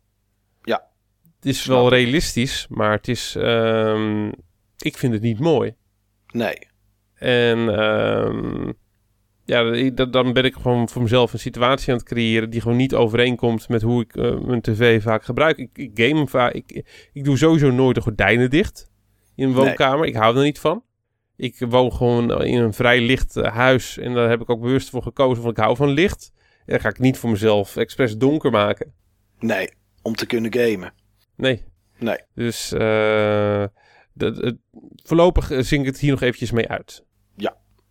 En andere, andere reden waarom ik zeg maar dat ook waarom ik mijn tv op dit moment niet wil vervangen. Als ik mijn tv tegelijkertijd, als ik mijn tv moet vervangen, moet ik ook mijn versterker vervangen. Ja, wat ik wou net zeggen. Jij hebt, eh, wat jouw beeld gaat van je consoles via je eh, AV-receiver naar je tv, hè? Ja, ik heb een, eh, ik heb een mooie mid-end Yamaha AV-receiver. Yamaha eh 667. Goed ding. In Ja. zijn, in zijn, in zijn price range eh, in de tijd. En eh, ja, daar heb ik zeg maar mijn, eh, mijn DTS en eh, ja, Dolby HD geluid mee, eh, mee geregeld. En alles komt daarop. en ik, ik gebruik het zeg maar om, om te switchen. Ja, precies. Ik heb, ik heb daarmee zes HDMI-aansluitingen en die gaan via één HDMI-out gaan die dan zeg maar richting mijn, mijn tv. En dat is netjes weggewerkt met een, ehm, met een heel dun kabelbuisje wat ik heb, ehm, heb geverfd. Eerst met Prime en vervolgens dan heb geverfd met dezelfde verf als mijn muurverf. Ja, Dus precies. die valt die zo gewoon heel netjes. op. Ja, ja dat, eh, dat, eh, dat valt echt heel netjes weg. En voor een deel ehm, zie je dat ook niet omdat mijn center eh, daarvoor staat. Ja. Dus, dus nee, dat is ja, dan heel netjes weggewerkt. Dan vraag ik me toch altijd af, hè, Steven. Het- wijkt een beetje hier, hier vanaf, maar nu we het er toch over hebben. Ja. Ehm, eh, levert zo'n versterker met, met HDMI en die dat doorzet, levert dat nog input lag op? Er zit toch een device tussen. Verwaarloosbaar. Verwaarloosbaar, oké. Want ik heb... eh, Theoret- zeer theoretisch, maar dat is, eh, dat is verwaarloosbaar. Oké, nou ja, want omdat ik, ik heb ook een versterker in de huiskamer staan en ik heb gewoon met, eh, met Optical heb ik daar mijn PS4 op aangesloten of mijn eh, mediaspeler of wat dan ook, zeg maar, wat er dan op dat moment eh, nodig is. Ehm, en ja, ik kan ook wel gewoon via HDMI dat ding, ding aansluiten, maar omdat ik altijd al met input lag zat, dacht ik nou, weet je, ik ga er niet nog een device tussen zetten. Kijk, het, het wordt anders op het moment dat je versterker laat scalen. Ja, snap Dan ik. wordt, het, dan wordt het natuurlijk anders. Op het moment dat je zeg maar, eh, al is het bij wijze van spreken maar 1080i wat je laat eh, die in te lezen naar 1080p. Ja. Dan wordt, dan wordt het alweer anders. Maar, ja, dan moet eh, het beeld gaan processen, net zoals je Ja, tv in dat principe doet. is het verwaarloosbaar. Het, is gewoon, het is gewoon throughput. Oké. Ehm, en wa- wat heb je daarbij staan voor, bij, eh, om die game setup zeg maar eh, af te maken aan, eh, aan consoles? Ehm, dat zijn mijn Xbox 360, mijn PS3, mijn Wii U en mijn PS4. Oké. En mijn PS4 die zou in eerste instantie mijn PS3 eh, vervangen. Eh, ik, ik, ik hou, joh, ik, ik eh, hou dingen het liefst gewoon strak in mijn woonkamer. Ja. En die consoles die staan netjes weggewerkt in een soort met van tv-unit met een, met een lade. En die lade zitten dan zeg maar allemaal games in. En een eh, dun ehm matglas eh, raampje. En daarachter staan dan die tv, eh, staan dan die, die consoles. Alleen mijn PS4 kon niet op de plek van mijn, van mijn ehm, PS3. Dan was die te veel ingebouwd en dat vond mijn PS4 niet zo leuk. Oh, qua hitte. Ja, Ja. dat loeide, dat werd warm en op een gegeven moment vloog die ook gewoon echt uit. Oké. Dus die heb ik gewoon op mijn unit gezet en vervolgens nul problemen. En ik moet zeggen, ik vind het ook een mooi ding om, eh, om te zien, dus ik heb er eigenlijk nooit aan gestoord. Nee, oké. Het voordeel is nu is mijn PS3 ook nog steeds eh, aangesloten. Ik doe er nooit iets mee, maar Nee, en wel. ik, ik heb precies hetzelfde. Mijn Xbox 360 is wel weg uit de huiskamer. Maar mijn PS3 staat er wel, omdat ik nog steeds eh, ICO, in H- ICO HD en Shadow of the Colossus HD een keer moet spelen. En ik heb nog wat andere titels liggen op de PS3 die ik een keer moet spelen. Dus ja, daarom staat hij er eigenlijk gewoon nog. Ehm, Nou, dat En is, qua dat geluid heb ik een. eh, Oh, ja. Qua geluid heb ik verder een, ehm eh, een speakerset van Kev. De, Q-serie. Eh, Kev, Engels, ehm, Engels speakermerk. Zit in mid-end en high-end tot, tot reference kwaliteit speakers. Ik heb een mid-end set. Ja, gewoon zuilen. Eh, zeg maar aan de voorkant en aan de achterkant zeg maar eh, bookshelf eh, speakers. Ja, In mijn, ehm, in mijn studietijd gebruik ik die als front-end speakers in een 2.0 eh, setup. Klonk heel goed in mijn kamer bij mijn ouders. Vrij kleine ruimte. ja. Die zijn hier nu doorgeschoven naar de achterkant. Dat was toen al mijn intentie toen ik het kocht. En ik heb dat aangevuld met een, met een subwoofer die ik uit Engeland heb gekocht. Vrij exclusief eh, subwoofer eh, merk. Eh, die is op maat gemaakt. On, order. Was eh prijskwalitatief was het echt briljant. Oké, vind Volgens jij, mij- eh, even een he- hele korte vraag, of alleen maar ja of nee zeggen dat die subwoofer echt iets toevoegt? Ja. Oké, bedankt. Ja, in mijn type, in mijn type woonkamer wel. Oké, Ik heb een vrij lastige, eh, ik heb een vrij lastige ehm, woonkamer. Ik heb een open trap. Ik heb ehm, eh, best wel rare vorm. Ehm, ik, ik had hem nodig om mijn bas eh, compleet te maken. ja, om het goed, goed te vullen, de ruimte, zeg maar. Ja. Ja, en ik heb, ik heb mijn subwoofer heb ik op een granieten plaat staan. Oké, dat zorgt ervoor dat je geluid meer de woonkamer ingaat. En ook dat je buren er minder last van hebben. ja, dat, niet je, dat het niet je vloer en hun plafond Nee. trekt, zeg maar. Ja, ja. Oké, Het is een eh, truc die vaker wordt gebruikt. Ehm, dat is je huiskamer setup. Nou, je had het over, over, over drie uiteindelijk. Eh, de volgende is denk ik je game room. Bingo. Hoe ziet het er Ehm, daaruit, je setup? Ik, ehm, ik heb daar een, een Philips 63 centimeter tv. Ja, eh, waar ik het eh, type nummer zo meteen nog eventjes van eh, op ga zoeken. Ehm, dat is een tv die ik eerder heb gehad. Eh, ik heb uiteindelijk ik heb drie CRT-tv's gehad zelf waarop ik heb gegamed. En dit was de derde. ja, Ik heb deze gekocht toen ik ehm, bij Modern Electronics werkte. oké. En eh, deze tv is me toen door verschillende collega's eh, aangeraden. Ja, En het is gewoon echt een top tv. Ik vind het zelf een van de beste consumenten tv's die, eh, die in Nederland is verkocht. oké. Ehm, het is een eh 100 hertz tv. Dus hij ondersteunt ook alle, alle importconsoles. Hij heeft digital scan. Alleen digital scan moet je uitzetten. Dat is post-processing die niet heel goed werkt met, eh, met pixel art. Nee. Eh, is eigenlijk eh, iets.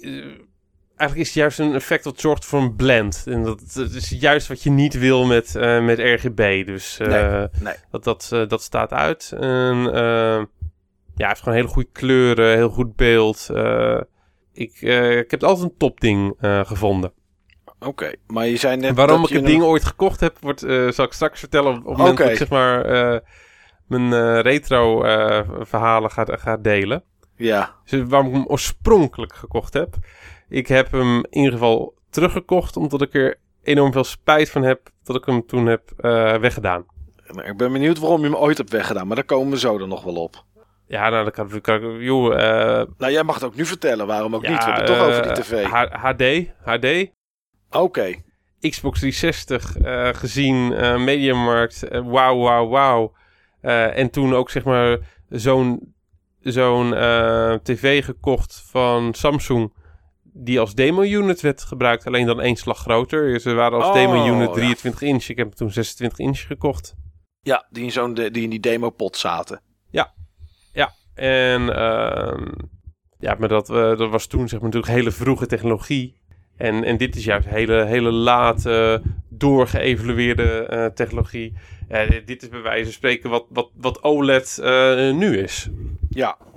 Ja, uit het CRT-tijdperk. Ja, Ja. dus... en ik heb daar ook nog een versterker bij staan. Oké. Voor het geluid van je PC Engine. ja, ja, ja. ja. Ja. En eigenlijk alles. Ja. Ik heb een eh, Onkyo versterker daar, ehm, daarbij staan. Mhm. Dat was de versterker die ik zeg maar had voor mijn Yamaha. Oké, die stond eerst in de huiskamer gewoon. Ja, en die Ja. heb ik toen weg willen doen eh, toen die zeg maar eh, toen ik die Yamaha gekocht heb. Want twee versterkers had ik niks aan op dat moment. Ik had toen nog niet deze setup in gedachten. Nee. En ik heb de, die versterker die zou zeg maar een, een maat van me overnemen. En toen die zeg maar bij mij was en die versterker eh, op kwam halen, toen had ik ook die Yamaha gedemonstreerd. En uiteindelijk wou hij dan ook zo'n Yamaha. Ah, dus toen bleef Dus hij is toen wel staan. met hem meegega eh, meegegaan.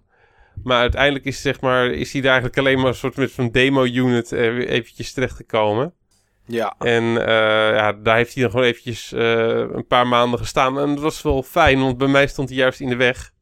Dus, eh, en, en toen later kreeg, eh, kwam ik het, eh, op het idee om zeg maar... Toen kwam ik zeg maar met dat retro gamen in aanraking. En toen wou ik zeg maar weer die ervaring van vroeger herbeleven. dacht ik van ja, ik kan hem boven juist echt heel goed gebruiken. Ja. Maar daar had ik geen speakers en heb ik toen eh Kev eitjes ge- eh, gekocht. Zoals ze in de, in de ja, eh, hi-fi scene vaak in Nederland genoemd worden. Omdat ze eivormig zijn. Oké. Ze hebben een andere naam hoor. Ze hebben gewoon een naam naar het type nummer. Als je zoekt op Kev eitjes. Dan vind je ze. Ja, eh, zeer goede compacte speakers.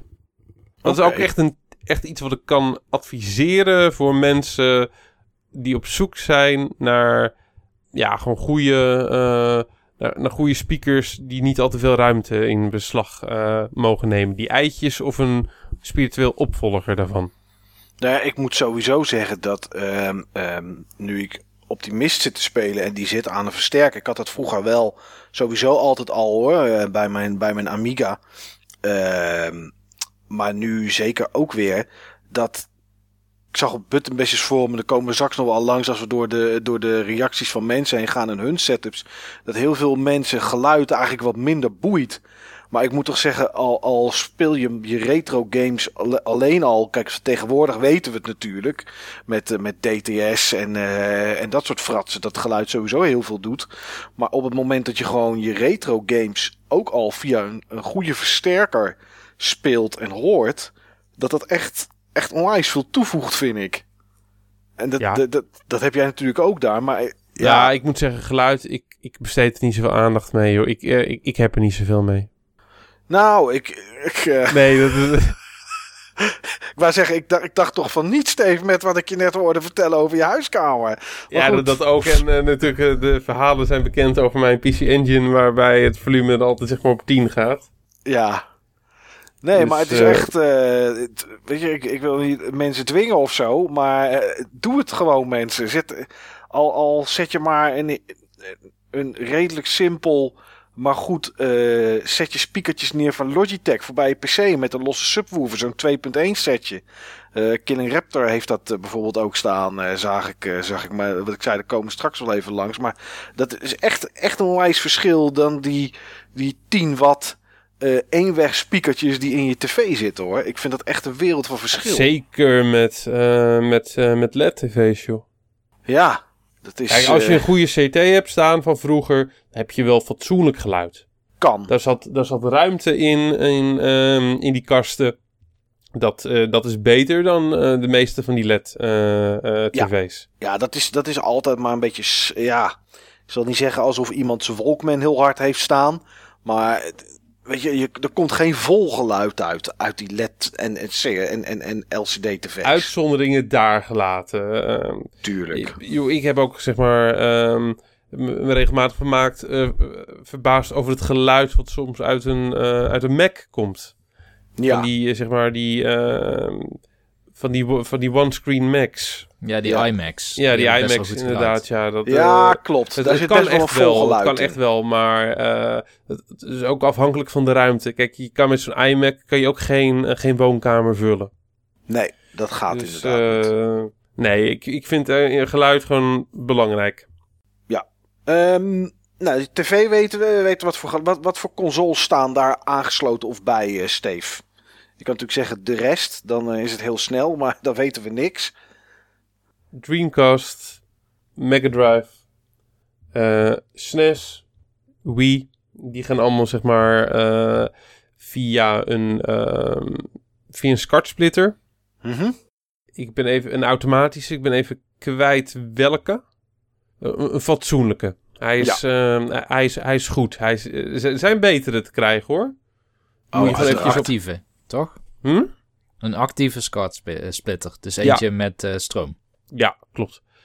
En hij is goed, maar ik had hem net iets beter nog voorgesteld dan die. eh, kan beter. Oké. Eh, het kan ook zijn dat hij. Binnenkort zal ik dat weer eens testen. Ik, het kan ook zijn dat ik zeg maar. De trilling die ik waarnam, dat het voor een deel ook werd versterkt door die digital scan die ik later uit heb gezet. Ik zal binnenkort weer eens testen. Oké. Maar het is, het is gewoon een goed ding hoor. Ja. En ehm, die heb ik dan zeg maar allemaal eh via die SCART splitter. Mijn PC Engine heb ik rechtstreeks. ja. eh, op mijn tweede eh SCART-poort. En mijn Nest die heb ik zonder SCART. Oké. Want een Nest die vind ik mm, toch vrij prijzig om, om te laten RGB modden. Ja. Nou, dan nu eindelijk waar het om gaat, Steve. Oh, die derde? Ja. Dit kan je nu niet langer meer voor je houden. Deze setups die kende ik. Die heb Ja. ik gezien, daar heb ik op gespeeld. Ja. Nu die derde. Wat is die, die- derde? Die is er nog niet. Maar ooit, en als het aan mij ligt, eh, is ooit toch wel eh, dit jaar of volgend jaar... Ja. eh, moeten in mijn schuurtje... Ja. moeten er één of twee arcadekasten komen. Oh, oké. Dat is de intentie. Oké, dan moeten eerst al die, al, die, al die Club Nintendo magazines eruit. Eh, die staan in de andere hoek. Oh, die staan in de andere hoek. Oké. En maar ik ben, zeg maar, die hoek ben ik dus nu aan het opruimen. Ja. Ik heb ook wat dingen op marktplaats staan die, zeg maar, ruimte vreten. Ik ben al een keer door een schuurtje gegaan. En ik moet er nog een tweede keer, eh, eh, zeg maar, even wat, wat dingen nog wegdoen en verder opruimen. Maar ik, ik heb al heel veel ruimte gewonnen. Ik, ik ben er niet ver meer vandaan. Oké. En heb je al een idee van wat voor kasten dat moeten zijn? Eh, in principe wil ik of een, ehm, eh, een MVS-kast Ja. of een, M- een verbouwde MVS-kast gewoon met emulatoren erin, maar wel met al het gevoel van een, eh, van, van een kast. Ja. Of een, ehm, weet zo'n kast ook, een Astro City-kast. Oké. een Sega Astro City-kast. Oké. Ik had daar zeg maar laatst op gespeeld nog eh, bij Awesome Space. Ja. Is toch wel gaaf. Ja, is ook gaaf. Die Astro City kast, het beeldscherm is gewoon zo mooi, eh, zo groot. Het speelt gewoon lekker. Ja. Hoe je er ook Nou, achter ik zit. Ik vind het gewoon echt hele toffe kasten. Ja. Ik vind, ik vind het wel een beetje... eh, Ik word natuurlijk wel een beetje droevig van, Steve. Maar je weet natuurlijk ook precies waarom. Om dit hele verhaal. Nee. Nee, dat gewoon... Je PC valt gewoon helemaal buiten. Buiten dit verhaal. Ja, tel ik niet mee. Eh, nee, weet ik ik game er niet op. Dus, Nee, eh, weet ik toch, kerel. Ja. Nee. Ehm, ja, we weten hoe het er nu uitziet. Bij, bij iedereen. Tenminste, ik heb niet helemaal... eh, even snel bij mij hangt een een Full HD LG TV met 3D waar ik nooit iets mee doe. Maar het is leuk dat het er is. Eh, wat ik al zei, zit versterker aan. En beneden in de huiskamer staat Wii U, PS3, PS4, Xbox One. En dat is het qua gaming devices. Ehm, nou, op etage 1 staat dan de mist aan een monitor met versterker. Eh, mijn allereerste Dolby Surround eh, versterker die ik toen die ik ooit kocht. En de boxen die ik daarbij kocht waren Wharfdeals. Nou, die, staan, die heb ik nog steeds. Die staan dan in de huiskamer. Samen met de center speaker en twee, eh, en twee eh, rear speakers. En een eh, bijbehorende Sony subwoofer. En zowel versterker als. versterker is Panasonic inmiddels. Zowel versterker als, als speakers zijn eigenlijk aan vervanging toe. Maar ja, goed, er is zoveel aan vervanging toe. Dus ik moet een beetje hier en daar prioriteiten stellen. En ja, zolder is, is- Daar staat de rest. Ehm, tv's, veel tv's. eh, alles speelbaar. En eh, een lekkere luie stoel. Want we hebben het eigenlijk nog niet over stoelen gehad. Nou ja, Niels wel, over zijn racestoel. Eh, bank. Maar, Do it eh, yourself. do-it-yourself racestoel, inderdaad. Dus dat is hoe het er nu bij mij uitziet. Maar ja, Niels, hoe zag het er vroeger uit? Was jouw setup zo geavanceerd vroeger ook? Nou, ik had misschien één setup. Oké. Dat was mijn PC-setup. Dat was ook de televisie in de woonkamer. Maar ik had geen game room vroeger. Nee. Maar ja, je zegt PC in de woonkamer en dat was dan ook de tv? Nee, nee, de, de PC Of verstond was ik het verkeerd? setup. Ja? In de, in de woonkamer had ik ook consoles, maar daar Oh, kun je dan niet veel op spelen. Volgens mij heb ik op een gegeven moment toen we zijn verhuisd en ik begon naar de middelbare school te gaan. Volgens mij had ik toen in, eh, we hadden een autogarage, Mhm. alleen die gebruikten we nooit. Oké. Dus dat is omgebouwd naar een, eh, ja, een kamer waar ik kon doen wat ik wilde. Daar Oh, stonden luxe. dan twee PC's en een televisie met daaraan eh, volgens mij op een gegeven moment althans de Nintendo 64. Daarvoor was het dan de, de Super Nintendo. Oké, maar hoe, hoe oud was je toen? Nog niet zo heel oud. Nee, 11 of zo denk ik. Dus op, op 11 Twaalf. had je al gewoon een eigen, eh, eigen mancave. Geweldig. Het begin van een eigen mancave inderdaad. Jeetje. Dat is al, eh, dat was... En- En toen had ik ook al mijn hobby fratsen, zit ik net te denken. Oh, Want eh, ik was zo'n eh, zo'n jongetje die, eh, die eigenlijk de hele dag bezig is met de PC. ja. En eh, dat was soms muziek, dat was eh, heel vaak ook programmeren. Het was niet zo heel erg vaak games ook in die tijd. Ik was meer bezig met programmeren, maar dat, dat was iets waar ik eigenlijk zo'n beetje elke vrije minuut instak. En ik kan me nog herinneren dat op een gegeven moment mijn eh, moeder zei tegen mij van... ja, jij moet vandaag echt naar buiten. Ja. Ik wil dat jij vanmiddag dat je buiten bent en niet hier in dat hok met jouw computer. Dus toen had ik ook zo'n ehm, zo'n modulair systeem bedacht om mijn eh, PC echt midden in de tuin te kunnen zetten. Met een parasolletje erboven, dat er geen zon eh, in de monitor kwam. En, dat, En, wa- eh, dat, was, dat stond je moeder wel toe. Nou, die moest toen werken, dus die kwam dan eh, tussenmiddag misschien thuis. En dan zag ze dat ik eh, drie katrollen aan elkaar had gekoppeld. Voor de om stroom. een meter of... Ja, Ik precies. geloof niet dat het helemaal je moeders idee was. Ik denk dat zij een ander idee erbij heeft gehad, inderdaad. Ja. maar wel schitterend. Maar goed, dat, Ja. is, dat is wel, dat is wel een, een aardige setup dan, Niels, voor iemand van die leeftijd. Ja, als, nee, je, dat ge- klopt. als je gewoon een eigen ruimte hebt, twee PC's die daar staan, eh, een tv voor een console eraan, eh, nou, daar, weet zeker dat ik daar jaloers op was. Nu ik eraan zit te denken, op een gegeven moment, dat was dan weer een, een fase later. Toen heb ik misschien twee of misschien wel drie PC's op mijn slaapkamer gehad. Oké. Die dan in, eh, in een netwerkopstelling stonden. Eerst waren het er twee en dan met zo'n... ehm, Met coax. ja, nou volgens mij was het zo'n parallele kabel die in de printerpoort Oh, ging. zo- zo'n laplink kabel. Die ja, Ja, die kabel. En daarna met een nulmodem kabel. ja. En op termijn was het ook echt eh, via een router. Dat die drie PC's aan elkaar zaten. Dat, eh, ja, daar konden we Doom multiplayer doen. Age of Empires, Starcraft, Command Conquer. Noem Ja. het maar op. Oké. Nou, Dus dat, is, heb ik wel gehad, ja. dat is wel een aardige, aardige setup. Eh, Ik, ik ben er wel jaloers op, Steven, op zo'n setup eh, in die tijd. Ja, anders ik wel. Want hoe zag jouw setup eruit vroeger? Nou, niet zo. Nee. Ehm, Oké, toen we verhuisd eh, waren, we zijn verhuisd toen ik een jaar of tien was. Ja. Ja. Ehm, toen heb ik, ik... Ik kon ook niet goed wennen daar, zeg maar, eh, waar we eh, eh, gingen, gingen wonen. Ik ervaar het gewoon als een heel, hele stap terug. Ik had ook een veel kleinere kamer dan, zeg maar, ik, ik ervoor had.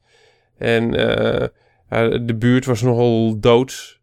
ja. En ehm, tot mijn ouders dat toch een beetje zielig voor me vonden, kreeg ik op een gegeven moment dan een, een tv in mijn kamer. Oké. Het was een witte 37 centimeter Sharp tv. En ehm, ik heb daar toen zeg maar een ehm Atari 2600 bij eh, gekregen. Oké. Oh, dat is wel een leuke, eh, een leuke Ja. console. Nou, ik heb, toen- vroeger heb ik niet op die manier ervaren. Eh, Nee. ik, ik, ik heb- het toen best wel als, als beperkt eh, ervaren. Dat kwam ook zeg maar door mijn arcade ervaringen. Ja, dan zeker. Dan steekt het heel schraal af. Ja, en het was toen, we hadden toen over 87, 88 of zo. Dus toen, die tijd was wel voorbij hoor.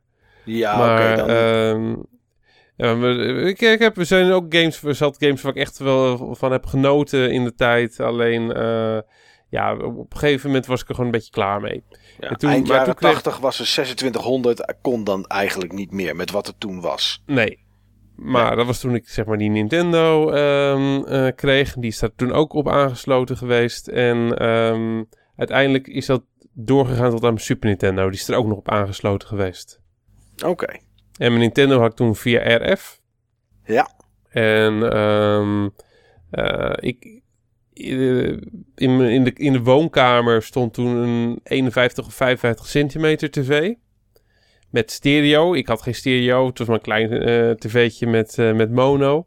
Ja. En eens in zoveel tijd mocht ik dan zeg maar ehm, eh, in de woonkamer met mijn Super Nintendo. Oh ja, dat, ik, dat, ik krijg er gewoon een speciaal gevoel bij ook, Steve. Ja, Niet, niet omdat ik... Ja, ik heb dat ook wel eens gedaan, hoor. Maar inderdaad, weet je, dat, ik kan me helemaal voorstellen hoe je je dan voelde. Dat je in de kamer, weet je, dan kon je... Oh, grote tv. Super, ja. ja dat is echt, dat was is echt gewoon speciaal. zo gaaf. Dan zat ik er gewoon precies voor. En eh, dat was de meeste ook gewoon in de vakanties. En daar kreeg ik ook echt zo'n vakantiegevoel van. Ja, ja, dat snap ik wel, ja. Ja. En hoe bederf je dat dan voor, je, voor jezelf? Door zelf ook zo'n tv te kopen? Ja, Ja, ik heb hem natuurlijk niet zelf gekocht, maar opgespaard en eh, de Verjaardagen hulp, hulp bij gehad. Ja, toen heb ik zeg maar een, ja, heb ik een, ik denk een 51 of een 55 centimeter Grundig, ook met stereo eh, gekocht. ja. En daarmee Klinkt was als een eh, soort tuinier eh, gereedschap. ja, zo, ja, Grundig was, of toen- zo. het was toen een, eh, in feite was het, in feite was het volgens mij een Philips, toch? Philips label. Ja, Dat was gewoon een Philips eh, label, wat ze, op, eh, wat ze dan een beetje als B-merk eh, inzetten. heb- Blauwpunkt ook niet uit diezelfde stal of zo? denk het niet. Denk, ik denk dat Blauwpunkt echt een Duits merk eh, was. Oké. Maar eh, ik heb zeg maar ook Grundigs eh verkocht nog, zeg maar bij Modern Electronics. En ik heb ook gewoon zeg maar Philips tv's. had je gewoon echt dezelfde tv, dezelfde Ja. beeldbuis. Er zat een iets andere case omheen. En zeg maar het Philips model was dan zeg maar eh 55 eh, gulden duurder of zo. Ja, het sloeg helemaal nergens op, want je- ze hadden, er zat gewoon precies dezelfde hardware in, bij wijze van spreken. ja. Ja, misschien dat hij ergens op een interne test net op iets faalde of zo. Of iets minder was wat wij toch niet zagen. Nee. En daardoor eh, werd hij gewoon in een andere case eh, gestopt. En, dus dat eh, zei je dan uiteindelijk ook tegen mensen. Dat zijn, dat, dat zijn van die dingen, dat wisten mensen dan niet. En ja, dan was je echt, echt de, ma- de man hoor, als je ze dat soort inzichten gaf. Dus Ja. op die manier geld bespaarde. Dan kon de verkoper eh, niet, eh, eh, niet, niet stuk. Daar, daar gingen ze weer zeg maar naar, naar de supermarkt vlak eh, vlakbij de moderne electronics. En kwamen ze weer terug met zeg maar een pak koeken. Ja. Zo vaak meegemaakt. Het zei ik zelf of met collega's. Ja, Dat was leuk. Dan, ja, en tegenwoordig ben je gewoon degene die, die de doos uit het magazijn haalt. ja, meer niet. En weten ze alles tien keer beter dan jij. Omdat ze, Die hebben ze toch op internet gelezen. ja, ja. Dus, eh, maar die, eh, dat voegde wel toe. Dat was wel een heel stuk fijner eh, Street Fighter spelen, kan ik je wel zeggen. Ja. Maar in het begin heb ik echt mijn Super Nintendo games op die manier beleefd. Met RF. Ja, Want ik had, ehm, eh, ik had zeg maar niet de juiste. het was een mono-ding en ik had zeg maar maar één aansluiting erop voor, voor audio. En ik had ook geen, ik had geen tulp in. Oké. Ehm, en ik had wel een ander soort aansluiting en dat, eh, ja, dat, dat, dat paste niet. En dat eh, was een heel zo gek, eh, gek, gek ding. En uiteindelijk ben ik dus een keer naar de handyman geweest in, in Gouda. En had ik zeg maar een tekeningetje gemaakt van dat, hoe dat dingetje eruit zag. ja, Ik had het idee namelijk van dat je dat dat gewoon overeenkwam met een met zeg maar de video in van een tulp aansluiting. Maar dat je misschien een soort met van verloop stukje nodig had. Het Ja. was zo. oké. Dus eh, daarna had ik zeg maar opeens voor, eh, voor drie gulden of zo veel beter beeld. Oh, kijk, dat is mooie winst voor drie gulden. Ja, dus eh, daar was ik toen wel blij mee. En ehm, dat tv'tje is uiteindelijk ook, zeg maar, toen ik die Grundig kreeg, is het naar mijn neef gegaan, mijn achterneef. Daar heb ik dat toen ook aan verkocht. En toen is hij daar ingezet voor, voor zijn consoles. Dus die heeft wel een goede bestemming gekregen. Nou, dat is wel mooi. Ja, en die Grundig, ehm, ja, die, die Grundig, daar kreeg ik een hekel aan op het moment van dat, eh, dat zeg maar, ik mijn Nintendo 64 eh, kreeg. Ehm, dat moest gewoon een perfecte combinatie eh, zijn, dat, dat, dat beeld in Nintendo 64. Alleen, ehm, ja, met, met composieten was het niet echt steady. Nee, Dat, dat, dat trilde, het zag er gewoon niet mooi uit. En je had flikkering, dat vond ik gewoon niet mooi. Dus toen had ik voor mezelf een, ehm een eh, SCART-verlengstuk, een, een SCART-blokje met een Super VHS-aansluiting gefixt. En, eh en Super VHS-aansluiting, Super VHS-kabel. Dat zou alles oplossen. Volgens ook bepaalde bladen die ik gelezen had. ja, Alleen, ehm, dat, wat ik niet wist, is dat de Nintendo 64, al- althans bal Nintendo 64, een soort met van eh, contrastprobleem heeft met Super VS. oké. Waardoor dingen als, ehm, als geel, dat, dat, dat komt bijna wit over. Dat is echt extreem, ehm, Overbelicht. ja. Ja, En eh, dat, eh, ja, dat, eh, dat lag voor mijn gevoel, lag dat zeg maar echt aan mijn, ehm, aan mijn tv. ja. En Dus er moest er wat anders komen. toen moest er wat anders komen. En dus toen ik, toen ik inderdaad sparen voor, voor zeg maar die, die Philips tv. Ja, die Deed 63 toch, centimeter. Ja, ik deed het ook. Ja, hetzelfde probleem. Hetzelfde, probleem, maar daar was ik Mijn dan wel heel blij. Panasonic Viera doet het ook. Wat zei je? Mijn Panasonic Viera doet het ook. En ik besef me dus nu pas door jouw verhaal wat er dus mee is. Maar Ja. eh, moet je een RGB-mod op loslaten, dan is het perfect. Ah. Of een HDMI-mod. Volgens mij, eh, ik denk dat ik voor een HDMI-mod zou gaan. Als je hem toch aansluit op een eh Viera. Ja. Als je het überhaupt wil natuurlijk, hè. Maar, eh, nee, die Nintendo 64, sorry dat ik het moet zeggen, maar het is echt zo'n klote apparaat. Ja. Echt, eh, een- het is zo'n suboptimaal klote apparaat. Echt, ehm, de, de Super Nintendo ehm, is gewoon echt een, ehm, een, een, een goed ding. Daar komt gewoon standaard, komt daar gewoon eh, goede RGB uit. Kan je in sommige gevallen nog beter krijgen, maar komt gewoon goede RGB eh, eh, uit.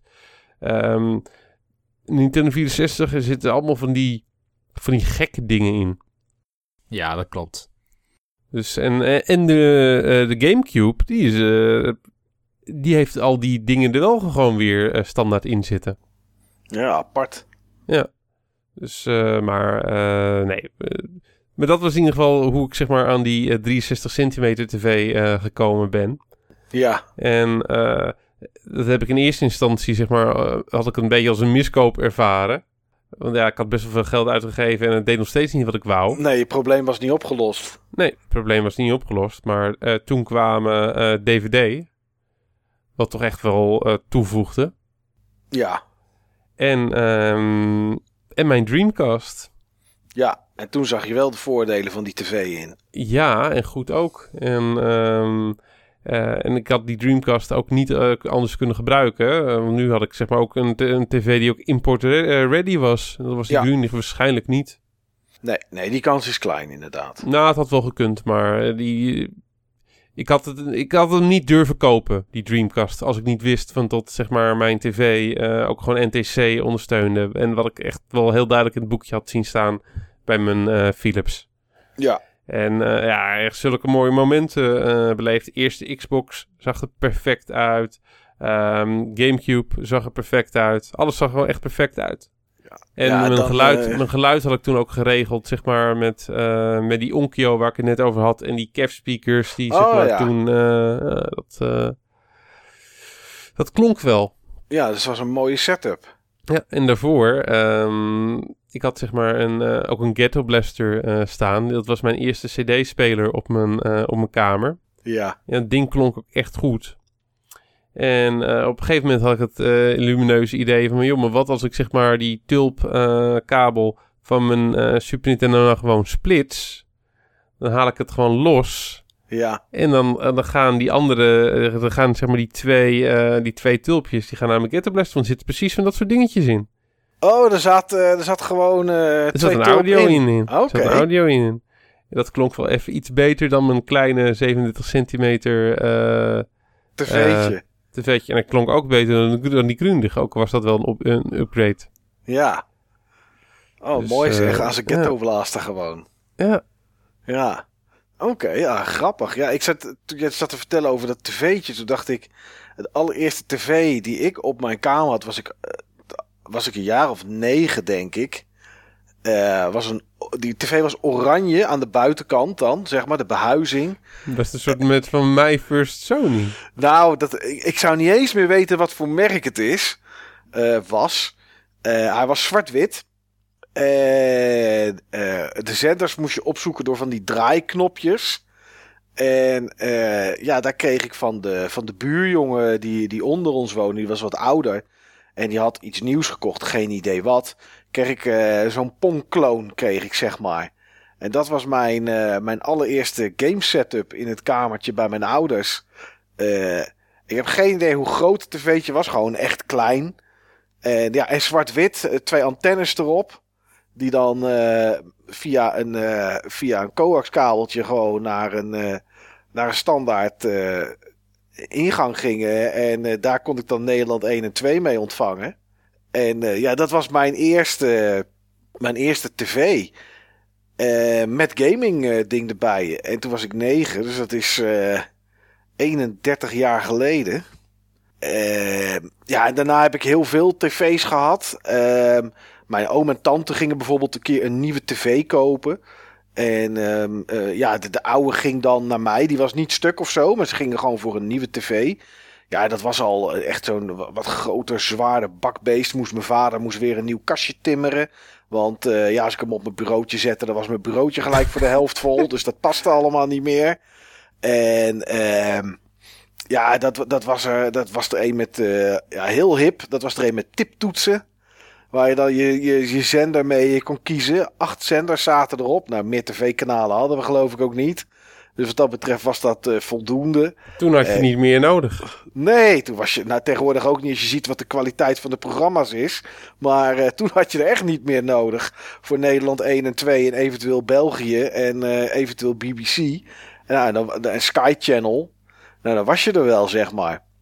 En ja, dat is eigenlijk altijd een beetje standaard tv gebleven. ehm, met of een console daarnaast dan zo- zo'n Pong-ding. Maar later werd dat dan de Commodore 64.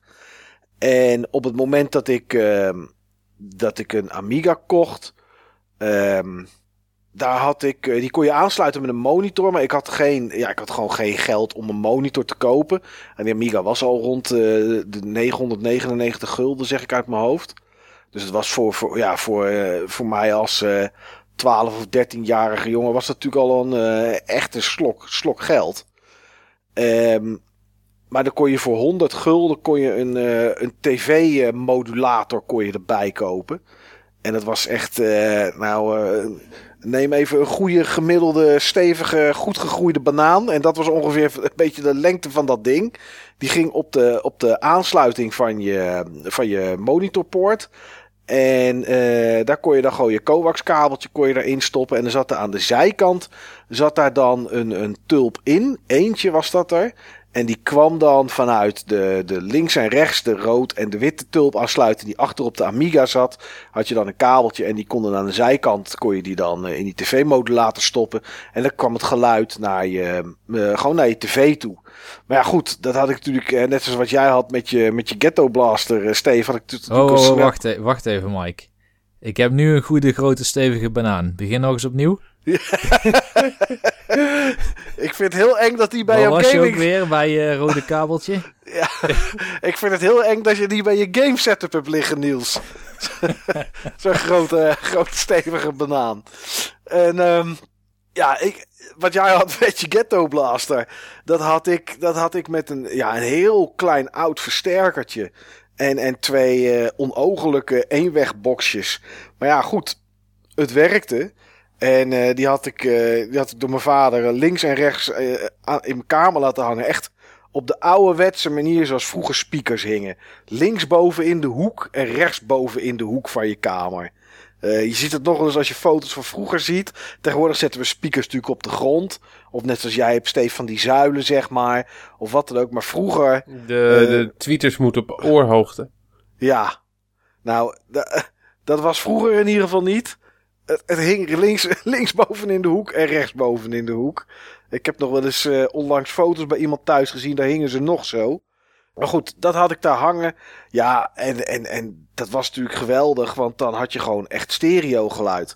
Alleen omdat ze zo... eh, eh, ik zal niet zeggen dat ik een gigantische kamer had. Maar ze hingen toch wel wat ver uit elkaar. Dus als je dan muziek aan het luisteren was. Ja, dan hoorde je gewoon links de piano. En echt ver weg rechts de drum. Ja, dus dat vond ik irritant. Ja, te ver uit elkaar gewoon. Precies. Dus wat, wat ging ik dan doen? Eh, dan nam ik twee tulpstekkertjes, die ging ik strippen. En daar ging ik de kern van die eh, kabeltjes bij elkaar draaien. En dan niet vast solderen of zo, of wat dan ook, maar gewoon een stukje plakband eromheen. Zodat zowel links en rechts door alle twee de speakers naar buiten kwam. Ja, dan was ik de koning hè, van de school. Want eh, ik had gewoon, eh, het kwam bij mij gewoon door het midden. Het was natuurlijk ook gelijk mono. Maar ja, dat maakt het, dat maakt het niet zoveel uit. Want het, eh, ja, het kon gewoon aan alle twee, het kon gewoon aan alle twee kanten. Dus dat, ja, zo heb ik dat zeg maar vroeger gehad. Ja, op een gegeven moment kwam PC, kwam er dan, kwam dan bij. Dat was mijn Amiga al weg, denk ik. Ja, was mijn Amiga al, al weg. Die stond in een doos ergens in, in de kelder. Ja, toen had ik alleen een PC op mijn kamer. Nou, dat werden op een gegeven moment twee PC's op mijn kamer. En dat was echt zo'n standaard klein kamertje. Wat we allemaal vroeger gehad hebben. Van misschien eh twee, tweeënhalf breed. En dan eh drie, drieënhalf lang of zo. Zo'n soort, zo'n soort ruimtetje. En eh, ja, die zaten dan via. eh, ook, ook wel wat nieuws had met zo'n laplink kabel of zo'n eh nulmodem kabel. En later werd dat, eh, werd dat coax en eh, mijn internetverbinding delen. En telefoonrekeningen van 1200 gulden. Maar goed, laten we het daar niet over Ja, hebben. Dat is een beetje pijnlijk. Beetje pijnlijk, maar ja, zo. eh, Ja, Ja, dat zo heb ik is- ook wel eens gehad hoor. ja, ja, met je, in je moppentijd natuurlijk, Steve. Wat een, wat een boevengilde was dat toen toch. Nou, het, het Met kwam die telefoon tikken, jongen. Echt, eh, oh. Het kwam ook, eh, even, even zij- kleine zijsprong, maar het hield toch, eh, je hoorde toch een beetje bij mijn setup. Het kwam ook door, door mijzelf. Ik nam internet denk ik in 1996. Ehm, en toen waren er niet heel veel internetproviders. Maar één internetprovider die we in Nederland hadden en waar ik van mensen die ik kende goede ervaringen over hoorde, was Sistron. En eh Sistron is later opgegaan in Demon.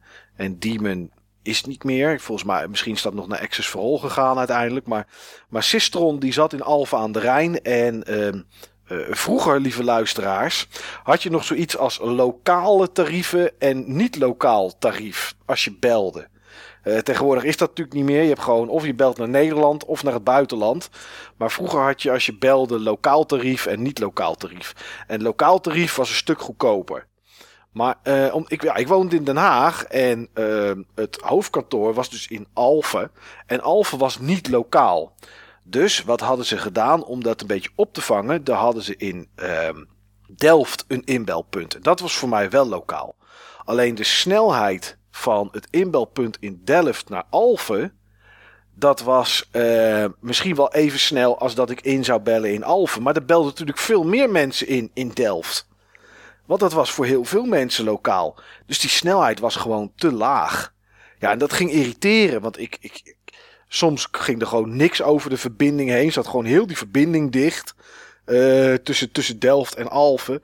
En of, of downloaden of een webpagina inladen ging echt zo tergend langzaam. En dan praten we echt eh, over bytes per seconde. En, en, Eh, zag je echt gewoon hele regels zag je gewoon verschijnen. Ja, nou, dat was niet te doen. Dus toen dacht ik van, ja, eh, jammer dan. Ik bel wel in in Alphen en dan zie ik het wel. Ja, dat zag ik inderdaad twee maanden later. Tegenwoordig krijgen we de rekeningen, natuurlijk alles is per maand. Maar vroeger kreeg je natuurlijk telefoonrekening per twee maanden. Klopt. En eh, ja, toen eh, kreeg ik een rekening van de KPN of ik even 1200 gulden wilde aftikken. Soms was ik echt gewoon bang als de telefoonrekening kwam. Nou, ik was ook bang voor deze telefoonrekening. En eh, ondanks dat ik wel werkte, maar eh, ja, mijn salaris was toen niet dat bedrag. Dus ik kon het gewoon niet betalen. En ik weet nog, het is echt heel slecht. Maar ik heb die telefoonrekening gepakt en ik dacht, wat ga ik ermee doen? Hoe kan, eh, ja, ik kan dit niet betalen. Ik had ook naar mijn ouders kunnen lopen en kunnen zeggen, joh, kunnen jullie helpen of de helft betalen en dat ik dat volgende maand terugbetaal. Dat zou ik nu doen. Maar ja, dat had ik toen niet. Dus ik heb toen eh, ik heb die rekening gepakt, die heb ik onder een versterker gelegd. Niet dat kleintje wat ik destijds had bij mijn Amiga, maar een andere. Ja, en na, gedaan alsof die niet bestond. precies. En na een dag of twee, drie dacht ik van, eh, dacht ik daar niet meer aan. Totdat er natuurlijk in één keer een herinnering kwam. En eh, daar waren ze niet zo snel mee als tegenwoordig. En drie, vier weken later de volgende telefoonrekening van 1000 gulden op de, op de mat viel. Ja, toen moest ik in één keer 22, 2200 gulden betalen aan, internet, eh, aan internetkosten. Ik hoop dat het het waard was.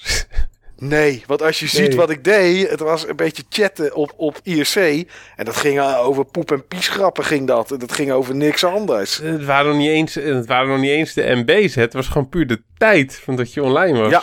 Ja, als je tegenwoordig een mobiel hebt, dan gaat het, om je, gaat het inderdaad om de MB's die eroverheen gaan. Nou ja, internetverbindingen thuis is gewoon een vast bedrag en klaar. Maar dit was gewoon, ja, weet je, als je hem ook vergat uit te zetten en je deed er helemaal niets mee, ja, dan, dan was je gewoon zuur, want dan was je gewoon geld kwijt aan echt aan niets.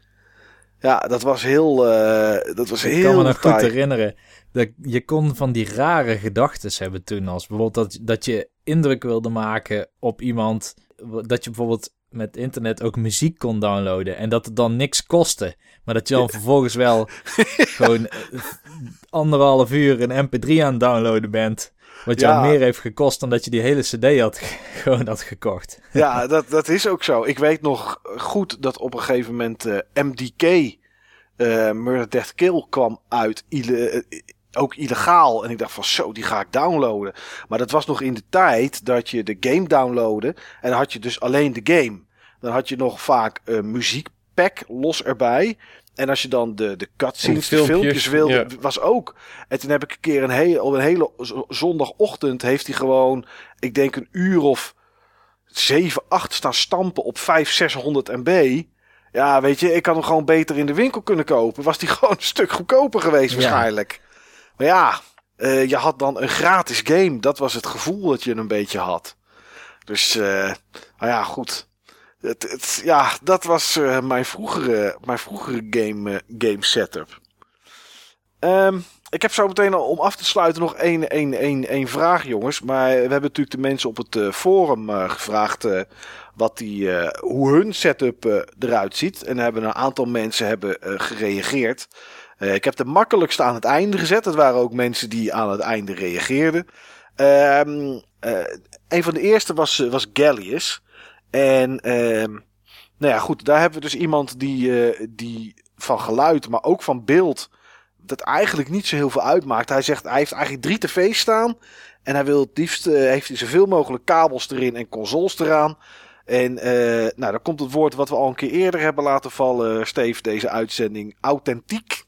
Hij wil het liefst zo'n authentiek mogelijke ervaring. Dus hij wil, eh, hij wil niet modden. Hij wil geen eh, beter beeld en geluid. Dat boeit hem eigenlijk niet. En eh, ja, sluit het liefst gewoon zoveel mogelijk consoles aan op één tv. Maar hij heeft er toch nog wel wat in een doos staan. Want blijkbaar redt hij het met die drie tv's toch niet helemaal. Ik vond het wel apart om te lezen dat de MSX daarbij zit. Want gezien zijn naam en zijn liefde voor de MSX... had ik toch wel verwacht dat die aangesloten zou zijn. Maar dat is die niet. Maar eh, ja, dit is dus iemand... Die boeit ook beeld en geluid gewoon eigenlijk niet. Als die maar die game kan spelen.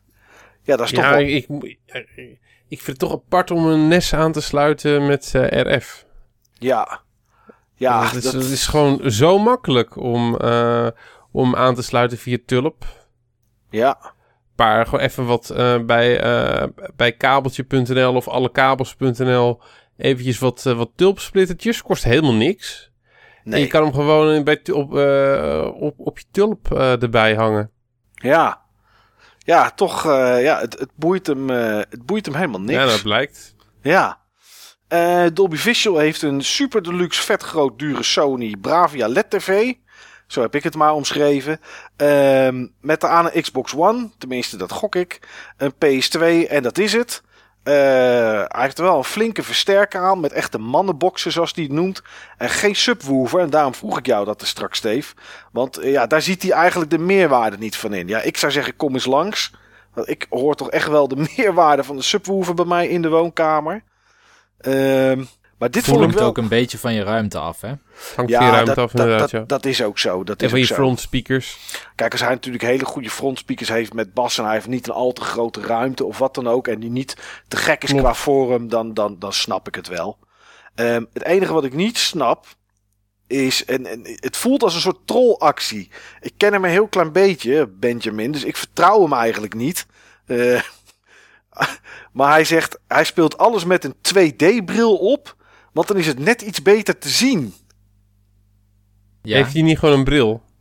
Ehm Bedoelt hij dat? Nee. Nee, die heeft, zover ik weet, ik heb hem nog nooit met een bril op gezien ergens. Dus ik, ik snap het niet. Snap jij het, Niels? Nou, misschien is het net als toen ik van die miniaturen aan het verven was. Ja. Ik had dan van die kleine details en dan heb ik gewoon een bril opgezet om het beter te kunnen zien. En ik heb normaal ook nooit een bril op. ja, ik, Misschien doet hij dat dan met games. Ja ik, ik snap het niet helemaal. Dat moet hij toch nog maar eens een keer uitleggen. Ik weet wel dat er brillen zijn die 3D-beeld terug naar 2D zetten. Dat je gewoon twee linker of twee rechterglazen erin Ja, hebt. voor in de bioscoop. Ja, precies. Als je, dat, als je daar misselijk van wordt of je vindt het gewoon irritant. Maar ik snap niet helemaal waarom die alles met een 2D-bril opspeelt. Of Is hij het niet gewoon een regel sarcasme? Nou ja, dat zeg ik. Ik, ik, ik ken hem een heel klein beetje. Dus ik, ja, maar ik vertrouw het eigenlijk niet helemaal. Maar hij had het wel neergezet. Dus ja, ik denk, ik, ik, ik roep het toch maar even. Ehm, misschien van de meest, een van de meest, ja, je kan het stilistische vormen noemen van game setups. Of minimalistisch. Het is maar net wat je ervan wil Ik, maken. ik noem het minimalistisch. Ja, is die van eh, Cake? Ik heb besloten hem gewoon Cake te noemen voortaan. Ik, zou het echt, ik had het echt niet verwacht. Ik had, dit had ik niet verwacht om aan te treffen. Nee, hij heeft een tafeltje. Dat komt volgens mij uit 1923. Eh, er staat een Eh, stoeltje ja, ervoor. volgens mij is het gewoon een schoolbureautje. Ja, het is een oud, het is een oud schooltafeltje. Die we e- echt van vroeger vroeger. Ehm, dan heeft hij er een stoeltje bij. Daar krijgen ze in India nog een hernia van, denk ik. En dan staat daar wel een professionele PVM RGB monitor op. Ehm, dus een beetje schil contrast vind ik dat. En daar zit een Dreamcast aan, een Gamecube en een PS1. Hij wil minimaal RGB. Eh, RGB SCART aansluitingen. En ehm, ja, het is toch heel apart dat zeg maar. eh, ik, weet niet wat zo'n PVM kost. Maar hij heeft er drie op de grond staan als spare. Ehm, en wat, er dan nog, wat ik nog aparter vind, is dat het beeld wil die eigenlijk de hoogste kwaliteit die er te halen is. Ja, geluid boeit hem dan maar niet als het maar plingelt. En dat vond ik toch wel heel, heel apart, moet ik zeggen, jongens.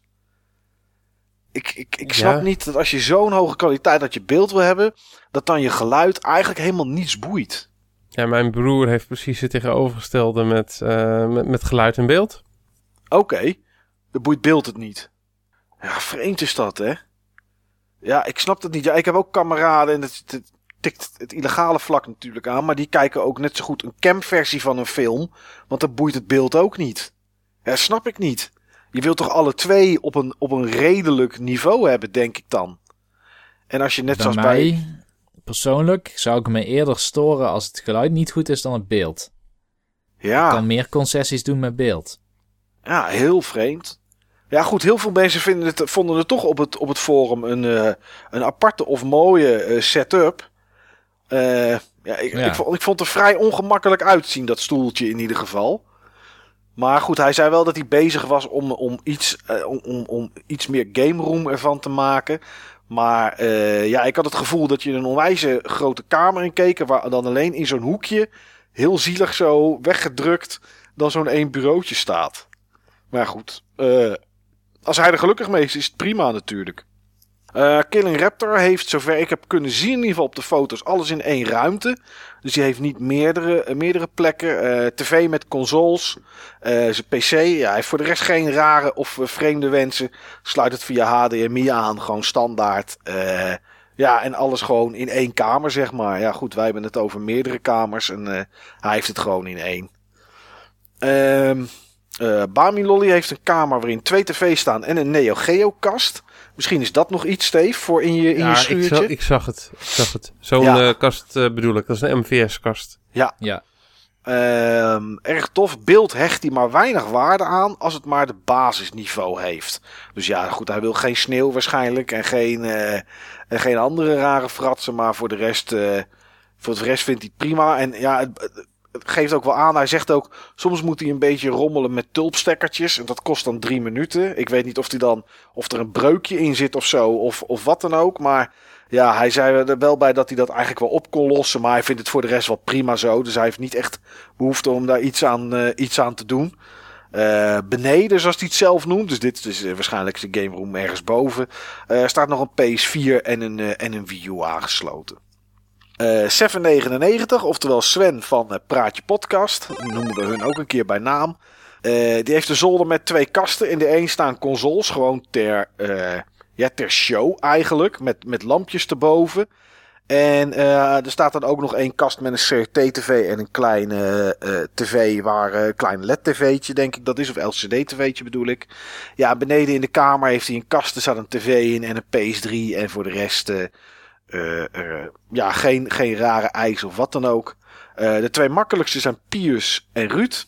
Eh Pius die zegt van zoek maar naar een tv met een Wii U en een Wii. Dat is wat ik heb. Nou, helemaal prima. En eh, Ruud zegt ik ben een beetje lui. Dus ik heb eh, eh, heel veel nog in doos staan wat ik eigenlijk aan moet sluiten. Maar die heeft twee CRT's staan. Toevallig alle twee dezelfde. Aan de een hangt een PAL NES en aan de ander een, een NTSC NES. En dat is het. Dus die eh, heeft er voor de rest ook niet, eh, niet meer werk van gemaakt eh, dan dit. Ik heb ook zo'n eh SCART splitter die hij noemt. Een bandbridge. Oké, vond het trouwens wel grappig, eh, die, die, die foto's van Sven. ja. Ja, die setup waarin die, die kast heeft met die consoles erin, Mhm. had ik me niet bij hem voorgesteld. Oh, ik wel. Ja? Ja, ja, ik wel. En die tv-kast, zeg maar, past er ook prima bij. Ik, de, de- de- ik, ik weet niet waarom. Maar dit is wel precies wat ik, eh, wat ik, wat ik, bij, eh, wat ik bij hem, eh, wat ik me bij hem voorstel. Ik Zo stelde heel- me niet voor dat hij zijn oude consoles ook bewaarde. Nou, in ieder geval, nee, ja, ik weet in ieder geval wel, zeg maar, mijn gevoel is wel dat hij er niet echt op speelde. Al, weet, ik, al weet ik wel dat de Nintendo 64 van, van, van Johan, de andere host van Praatje Podcast, dat die daarboven staat. Eh, omdat Johan er zelf geloof ik niet meer op speelt. Dus die staat daar als een soort ter display. Ja. Maar ik wist wel dat het, dat het heel netjes zou zijn. En, en eh, ja, meer ter show, zeg maar, dan echt functioneel. En dat is eh, ik, voor mij, die tv-kast ook, zeg maar. Die staat ook zo dicht mogelijk bij het raam, zo ver mogelijk weg. Volgens mij zit het eerder. Gewoon deurtjes. Ja, deurtjes ervoor dat overdag dat je lekker niet ziet dat er een tv staat. En eh, dat iedereen dan maar een boek pakt of een iPad of zo, zeg maar. Zo'n soort. eh, ja, de tv staat daar niet centraal. Dat gevoel heb ik in ik ieder denk geval in niet. Sven's geval of een eh, iPad Ja, of een iPhone ja. met, met een, met een point-and-click adventure of erop. een Apple Watch. Ja, Ja, ja, In met de e-book erop. ja, dit soort kastjes doen me een beetje denken, zeg maar, uit het dorp, aan het dorp waar ik oorspronkelijk vandaan kom. ja. Daar hadden de gereformeerde families eh, dit soort kastjes. Oh, ja. Eh, zodat, ze- zodat mensen dan niet konden zien dat ze een tv hadden, want dat was zondig. Ja, dat mag niet. Ik heb ook een, eh, een collega, die is ook, ook gelovig. En goed, we hoeven er niet op in te gaan, maar ik vind het altijd Nee. frap- frappant dat hij heeft geen tv, want dat, dat mag niet. Maar kijkt dan wel, zegt dan wel tegen mij, hey, heb je dat en dat tv-programma gezien? En zeg ik altijd, ja, gast, hoe dan? Je hebt geen tv. Ja, ja, uitzending gemist. Eh, ja, ik vind, het is tegenwoordig is dat voor de gelovige mensen is dat toch wel een mooie uitzending gemist. Want tv mag niet.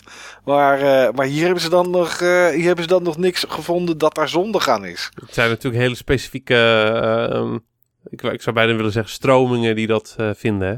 Ja, dat is ook zo. Dat is ook zo. Ehm, ja, Steve, bij jou weet het al een klein beetje. Maar stel dat je iets aan een van je gaming setups mocht veranderen. En dat is unlimited money, maakt niet uit. Wat zou je nog heel graag willen veranderen?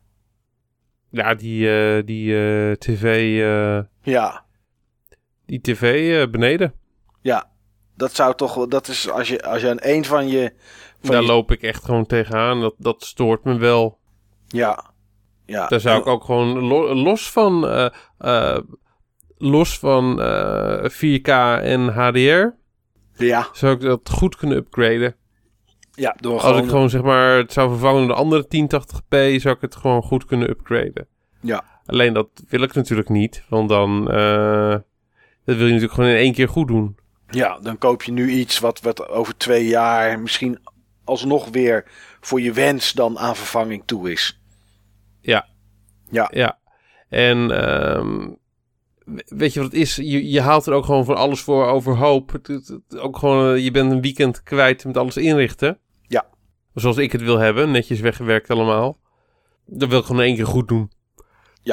Ja, en niet twee jaar later weer moeten doen en weer, eh, weer overhoop trekken en dat soort dingen. Nee, snap ik. Nee, en in mijn, ehm, in mijn retro setup Ja, zou ik in principe niets veranderen. Ehm, ik zou hoogstens een iets betere SCART switch willen. oké.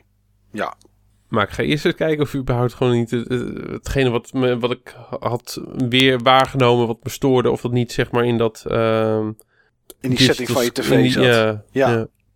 Oké. Niels, als jij iets aan een eh, van je setups eh, mocht aanpassen, wat zou het zijn? Nou, de, degene die ik het liefst aanpas, en daar was dit stuur eigenlijk een opzet naar. Ja, Ik weet niet meer of dat ik dat had verteld in de vorige aflevering, maar ik heb die Trustmaster T300 gekocht nadat ik de PlayStation VR had getest. ja, Omdat ik dacht van dat VR, daar kijk ik toch de kat nog even uit de boom. Maar ik kies nu wat nu voor het meeste immersie zorgt. ja. En dat is dat stuur. Ehm, alleen het is een incrementele upgrade, want dit kun je straks wel combineren met VR. Zeker weten. En ehm, ik heb toevallig, volgens mij was het afgelopen week, het was ook in een developer context gezien wat de roadmap is voor VR. Ja, En ik denk dat de tweede generatie is waar ik echt instap. op die draadloze headsets die, daar, eh, die ze nu bezig zijn. Of is, er, of is dat niet- Draadloos en, eh, en 8K schermen. Ja, En dan eh, even kijken, draadloos 8K scherm. En er was nog iets mee. De, volgens mij iets met de tracking, wat ook nog beter zou zijn. ja. Oké, dus, dus als er iets, iets aan jouw setup, eh, een van de setups mocht veranderen, dan zou het de toevoeging zijn van. Ja, dan is de toevoeging van VR. Oké. Wat dan misschien in die tijd ook wel weer zal betekenen dat ik een nieuwe videokaart moet kopen. Ik weet het niet. Ja, nou ja, Oculus Rift heeft laatst wel eh, de specs van hun huidige bril wat naar beneden gebracht. Maar ja, goed, geen idee wat het eh, tegen die tijd gaat doen inderdaad, eh, Nee. als, dit, eh, als dit uitkomt. Ik heb in ieder geval gezien dat ik ehm, geen PlayStation VR wil. Nee, Dat heb ik nu voor mezelf definitief. oké. Hoe Ik heb komt nu- dat? Nou, ik heb gezien wat erbij komt kijken om het aan te sluiten. En dat wil ik gewoon niet in mijn woonkamer. Ah Nee. ja. Nee. Ik, Nou, eh, er komt toch wel aardig wat naast je PlayStation. Wat ik ook niet heel erg sexy afgewerkt vind. Nee, ik, ik, ik wil dat gewoon niet op mijn, eh, op mijn, eh, op mijn unit hebben. Je zou ook een stoel recht voor je televisie moeten zetten, hè? want jouw bank staat veel te ver naar achteren. Dat haalt hij ook niet, qua tracking. nee. Nee, prima zo. Ik heb niet het gevoel dat ik er wat aan mis. Nee, dat is. eh, dat denk ik ook niet. En ik las. Laatst ook een stukje over, over PlayStation VR bij, op Eurogamer. Dat het beeld en alles goed is en dat ding prettig wel op je hoofd zit. Maar er was, er was één onderdeel, ik weet niet meer wat. En dat, dat viel gewoon heel erg tegen. En ja, dat, is die, die tracking die de... Ik had er ook last van, hè. En in die, die Rush of Blood demo... Ja, Dat er heel veel jitter zit in, be- in de beweging. ja, En Ja. ik had geen last van de head tracking. Er schijnen toch mensen ook daar wel last van te hebben. Maar ik had de controllers. Hoe jouw armen of je geweer, zeg maar, in die wereld gerepresenteerd wordt. Dat was heel schokkerig. Ik ja. denk dat dat met de optische tracking te maken heeft. ja daarom. Dus eh, Ja, ik, eh, het- wat Eurogamer zei is van eh, het, het, de zwakste component in, ehm, in de mix PlayStation VR zijn de gerecyclede oudere hardware componenten. Ja. De, eh, de Move en de camera. Ja. Ja. Dus ze Ja. zeiden van joh, de Move eh, toen cutting edge, zijn tijd ver vooruit, inmiddels iets achterhaald. En ehm, de camera, nee, net niet. Nee, nee, inderdaad. De tracking is, eh, staat hier ook tracking on a budget. En dat is de weakest link, zeg maar. Dus eh, nee, en, het, en inderdaad, ik snap het wel, Steven. Er staat een kastje naast, er komen twee kabels vooruit. Er ligt een losse power supply ligt erachter. Dan ligt er nog een dikke kabel naast. Je moet die PlayStation camera neerzetten. Dus er zit sowieso USB in je PS4 dan, met ook weer een kabeltje erbij. Dus het wordt, het wordt best wel een rommeltje, zeg maar. eh. ja, dat doe ik niet, punt. Nee. Er was ook nog iets wa- waardoor ik uiteindelijk er ook van afzag. Ook al was ik vorige keer er best wel positief over. Ja, En dat kwam naar aanleiding van iets wat ik ook zag in eh, de Digital Foundry review. En iets wat ik niet tegenkwam in die PlayStation Pop-Up Store. En dat was heel logisch, want daar zijn die setups, die zijn heel erg precies gecalibreerd. ja, De demo's die je doet, dat zijn ook de demo's waarvan ze weten dat ze heel goed werken. En je wordt ook zo neergezet dat het werkt. Alleen wat die mensen van Digital Foundry vaak tegenkwamen, was dat soms een fractie van een seconde de camera eh, jou niet ziet. Of dat er iets, dat je net iets te veel naar links leunt, waardoor je buiten de tracking zone valt. En dan eh, krijg je allerlei glitches. En ja, dat zou mij wel heel erg uit die ervaring halen. En dat had ik alleen al met die move controllers, dat je de hele tijd moest recalibraten ja. bij, eh, bij van die, eh, van die lightgun-achtige games. Dat vond ik toen heel vervelend. Ik denk Ja. dat je elke minuut wel iets deed om, eh, om, om de gun weer recht te zetten. Ja, dat is. En zeker als je dan met zo'n bril op zit, is het ergens in, in die ervaring, dan moet je dat niet hebben. Ja, Dat werkt gewoon niet. Nee, eh, VR zou voor mij ook geen eh, toevoeging zijn op een van mijn gaming setups. Ja, het enige wat ik op dit moment kan bedenken is, is ook eventueel die tv. Maar aan de andere kant, ik speel bijna niets meer bij eh, tv. Het zouden alleen wat PlayStation 4 exclusive titels zijn, zoals een eh, Last Guardian of eh, ja, volgend jaar of het jaar erop misschien een Bloodborne 2 als die komt. Ja, goed, daar zou een andere tv met iets minder input lag wel prettig zijn. Maar ja, de vorige heb ik ook uitgespeeld met, dus dat is nog wel, dat is nog wel te doen. Ehm, als ik iets nu zou willen vervangen, dan is het de monitor bij mijn PC. Dat is nu nog gewoon een, eh, een eh, prima monitor. eh, 1080p monitor ziet er mooi uit. Uyama. Maar ja, is, ja. Wel, is wel een jaar of vijf oud inmiddels. En eh, is 60 hertz. Ja, ik zou wel een, eh, een 144 hertz eh, willen hebben. En eh, misschien één slag groter. Nog steeds 1080p? Nee, ik zou eh 1440p zou ik dan voor gaan. Ik zou niet voor 4K gaan, maar, eh, eh, maar voor 1440p. 4K zou- vraagt echt wel aanzienlijk meer eh, renderingkracht over de complete pipeline. Ja, is ook zo. En ehm, ja, ik, ik weet niet. Ik, ik, ik denk, tuurlijk, er is, er is beter dan, dan, dan 1440p met 144 hertz. Dat, dat besef ik me ten degen. Alleen ik denk dat dit al zo'n enorme upgrade is. Ehm, dat ik daar al dolgelukkig van zou worden, zeg maar. En, en die monitor die ik zou willen hebben, zo'n Asus, eh, die is gewoon al 6,5, 700 euro. Dus eh, ja, weet je, ik moet ook een beetje kijken naar het budget. En dan, dan zou dit, zeg maar, zou dit goed te doen zijn. Ehm, Maar dat is eigenlijk het enige wat ik me kan, eh, wat ik me kan bedenken. Mijn PC natuurlijk laatst upgrade. Ja, tuurlijk, ik kan naar een nog betere videokaart. Ik kan naar een 1080 in plaats van Kan een altijd. 1070. Ja, Dat, en- dat kan altijd drie maanden nadat je iets gekocht hebt op ja, PC-gebied. precies. En eh, dus weet je, dus dat, daar, moet- daar moet ik niet naar kijken. Eh, en ik ben hier gewoon super tevreden mee met wat ik nu heb. En, eh, dus nee, ik, eh, het zou of mijn tv zijn toch bij de, bij de, bij de, bij de beneden setup, bij de PS4 en de Xbox One. eh, of mijn monitor. En dan denk ik dat ik nu sowieso eerst voor mijn monitor zou gaan. In plaats van, eh, in plaats van de tv. En op zolder hoeft voor de rest niks. ja, ik zou heel veel consoles via RGB of met mods kunnen ga- gaan, gaan doen. Maar ja, weet je, heel eerlijk gezegd staat het er voor de show. En als er een keer wat mensen komen om iets te spelen. Maar ik zit er toch te weinig achter om, eh, om daar dan echt heel veel geld aan uit te geven.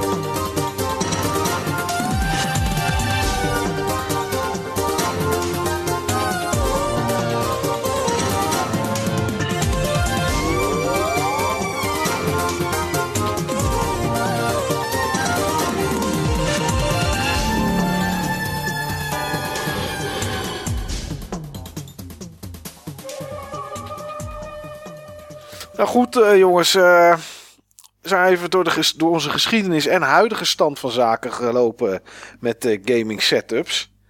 En, en die van de jongens, jongens en meiden van het forum. Er waren geen meiden bij, bedenk ik me nu. Maar goed, dat had zomaar wel gekund natuurlijk.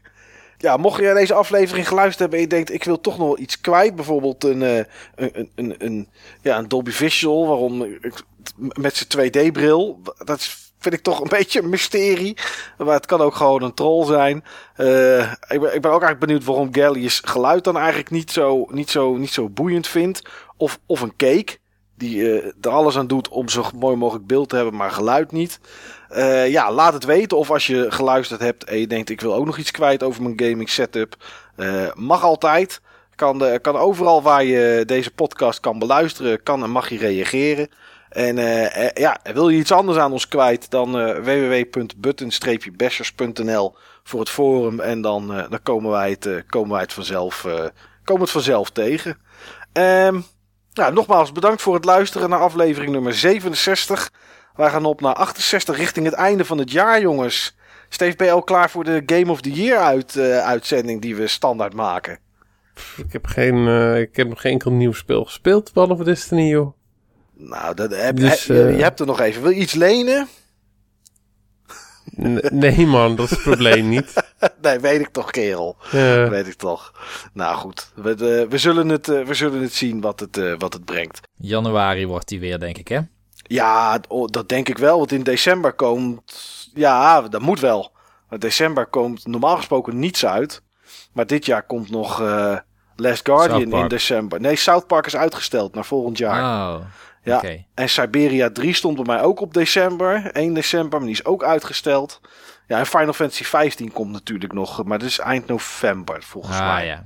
Dus nou, misschien zit er toch nog iets bij. Maar goed, dat is voor dan. Eh, dit was het voor nu. Eh, iedereen bedankt voor het luisteren en tot de volgende keer.